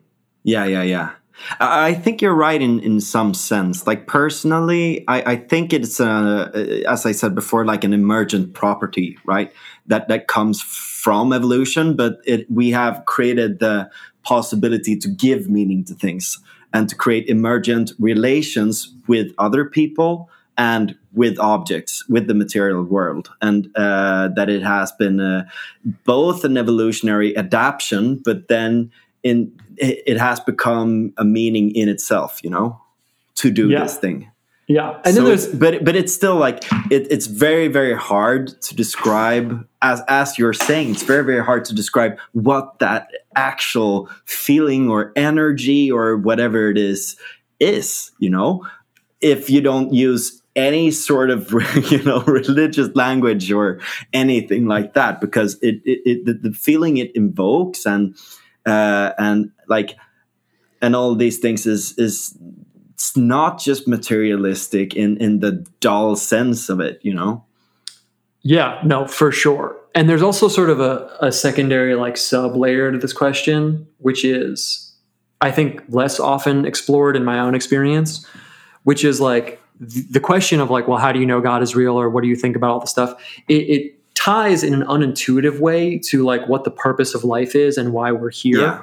Because if god's evidence for existing was 100% completely undeniable and like you know as plain as like the table in front of your face from from the get-go it would kind of make life very very very different right? Like if you do the thought yeah. experiment of like okay god's real and i'm here for some reason like separated from him at least in like some capacity you have to start asking yourself well why? And like what's the purpose of this and what am i getting from it and everything and this is now like not a philosophical argument but the more i go into stuff like that the more i feel like it's just kind of odd how things are poised at this very particular precipice in religion, Christianity, all of it probably, but I would say my experience with Christianity and even like Christian subgroups, it's always poised right on this precipice where someone who doesn't believe in it doesn't really have like the evidence to say, look, stone cold, this is not real. And if you don't believe it, you're stupid. With this evidence, I'm showing you hardcore.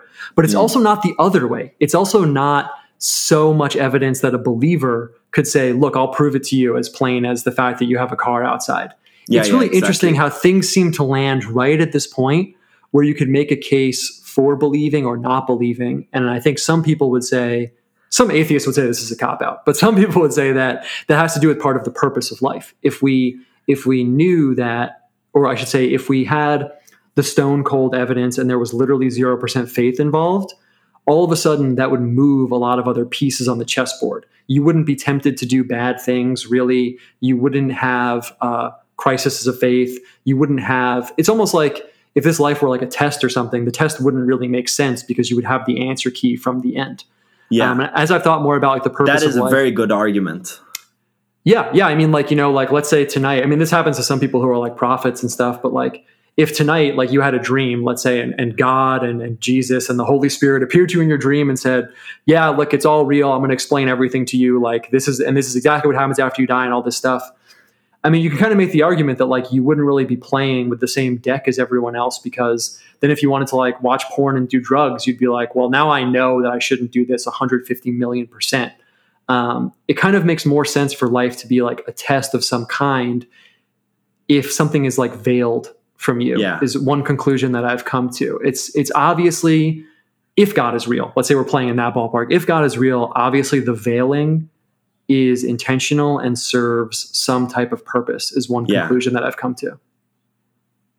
Yeah, yeah, yeah. That, and and that's interesting. I mean, sometimes I I, I get these, you know, like visions or uh, not necessarily through through drugs, uh, but like uh, or like I've, I, sometimes I, I I went to a church now, you know, in in uh, when I was up on a mountain, like a pilgrimage, where the old knights of Rhodos used to live. It's beautiful. It was Whoa. like in the in the mountains, like on a cliff. Yeah, beautiful. Um, and like it was very very strong moment. And like you, you get these things and i can really understand. And like sometimes i've had like the thoughts coming to me like they feel like alien thoughts and stuff like that. And i've seen like you know yeah some some some traces of that and you know things happening that could be accounted to that. And and you know that it, that specific argument you have right there it's like it needs to come from you you need to choose it is for i would say for me even though i have like my baggage of of theory behind me and all these things you know uh the the, the sort of thing that makes me uh you know wander or you know hesitate or like uh think about it that Yeah. it could be a test you know No, yeah, Uh, for sure. Um, yeah. yeah. I mean, what you're describing is kind of like so. Like, obviously, I am Christian, but on like a not in a particular, not in a particular way, let's say. But what you're describing is kind of like what I think people would describe like the Holy Spirit as, and having the Holy Spirit like as a companion in some ways. Like, Yeah. it sort of speaks to you in the way you're describing, where you're like, man, I really just feel like, or I'm having these thoughts, and like I'm having them, but I also feel like something's maybe like guiding this a little bit. So that is interesting. I mean, since we've come this far, one kind of conclusion that I've come to with like the life as a test and the veiled and like knowing and everything is it's almost like one of I, f- I feel like I haven't locked this in just yet. I'm almost like trying to not lock it in. I'm trying to just make sure I haven't missed anything along the way. Mm. But like one of the fruits of like all my like theological study and and reading and everything is that um initially when I first started, it's almost like I had this assumption, you know, we mentioned like worldviews and presuppositions of like, well, God is like God, right? So nothing constrains him. Nothing constrains God. He decreed literally everything and can do literally anything. But as I got deeper, it became a little bit more complicated because you know, you kind of trip out with questions like, well, you know, could God, if God set up everything and literally made everything with no constraints, could he have made it so like one and one make 100 and then two and two make 25? And as I went deeper into that stuff, I was like, well, no, that's not, that wouldn't have been possible. yeah And that was a big chip in the armor because it was like, well, if I'm saying certain things aren't possible for God, now it's not a question of that folder existing. Because now I have this folder where I'm like, yeah, God couldn't make one and one 100. Now I have a folder where I'm like, well, God can't do certain things. Now the question is deeper because it's, well, what things go in that folder? And clearly, some things do go in that folder.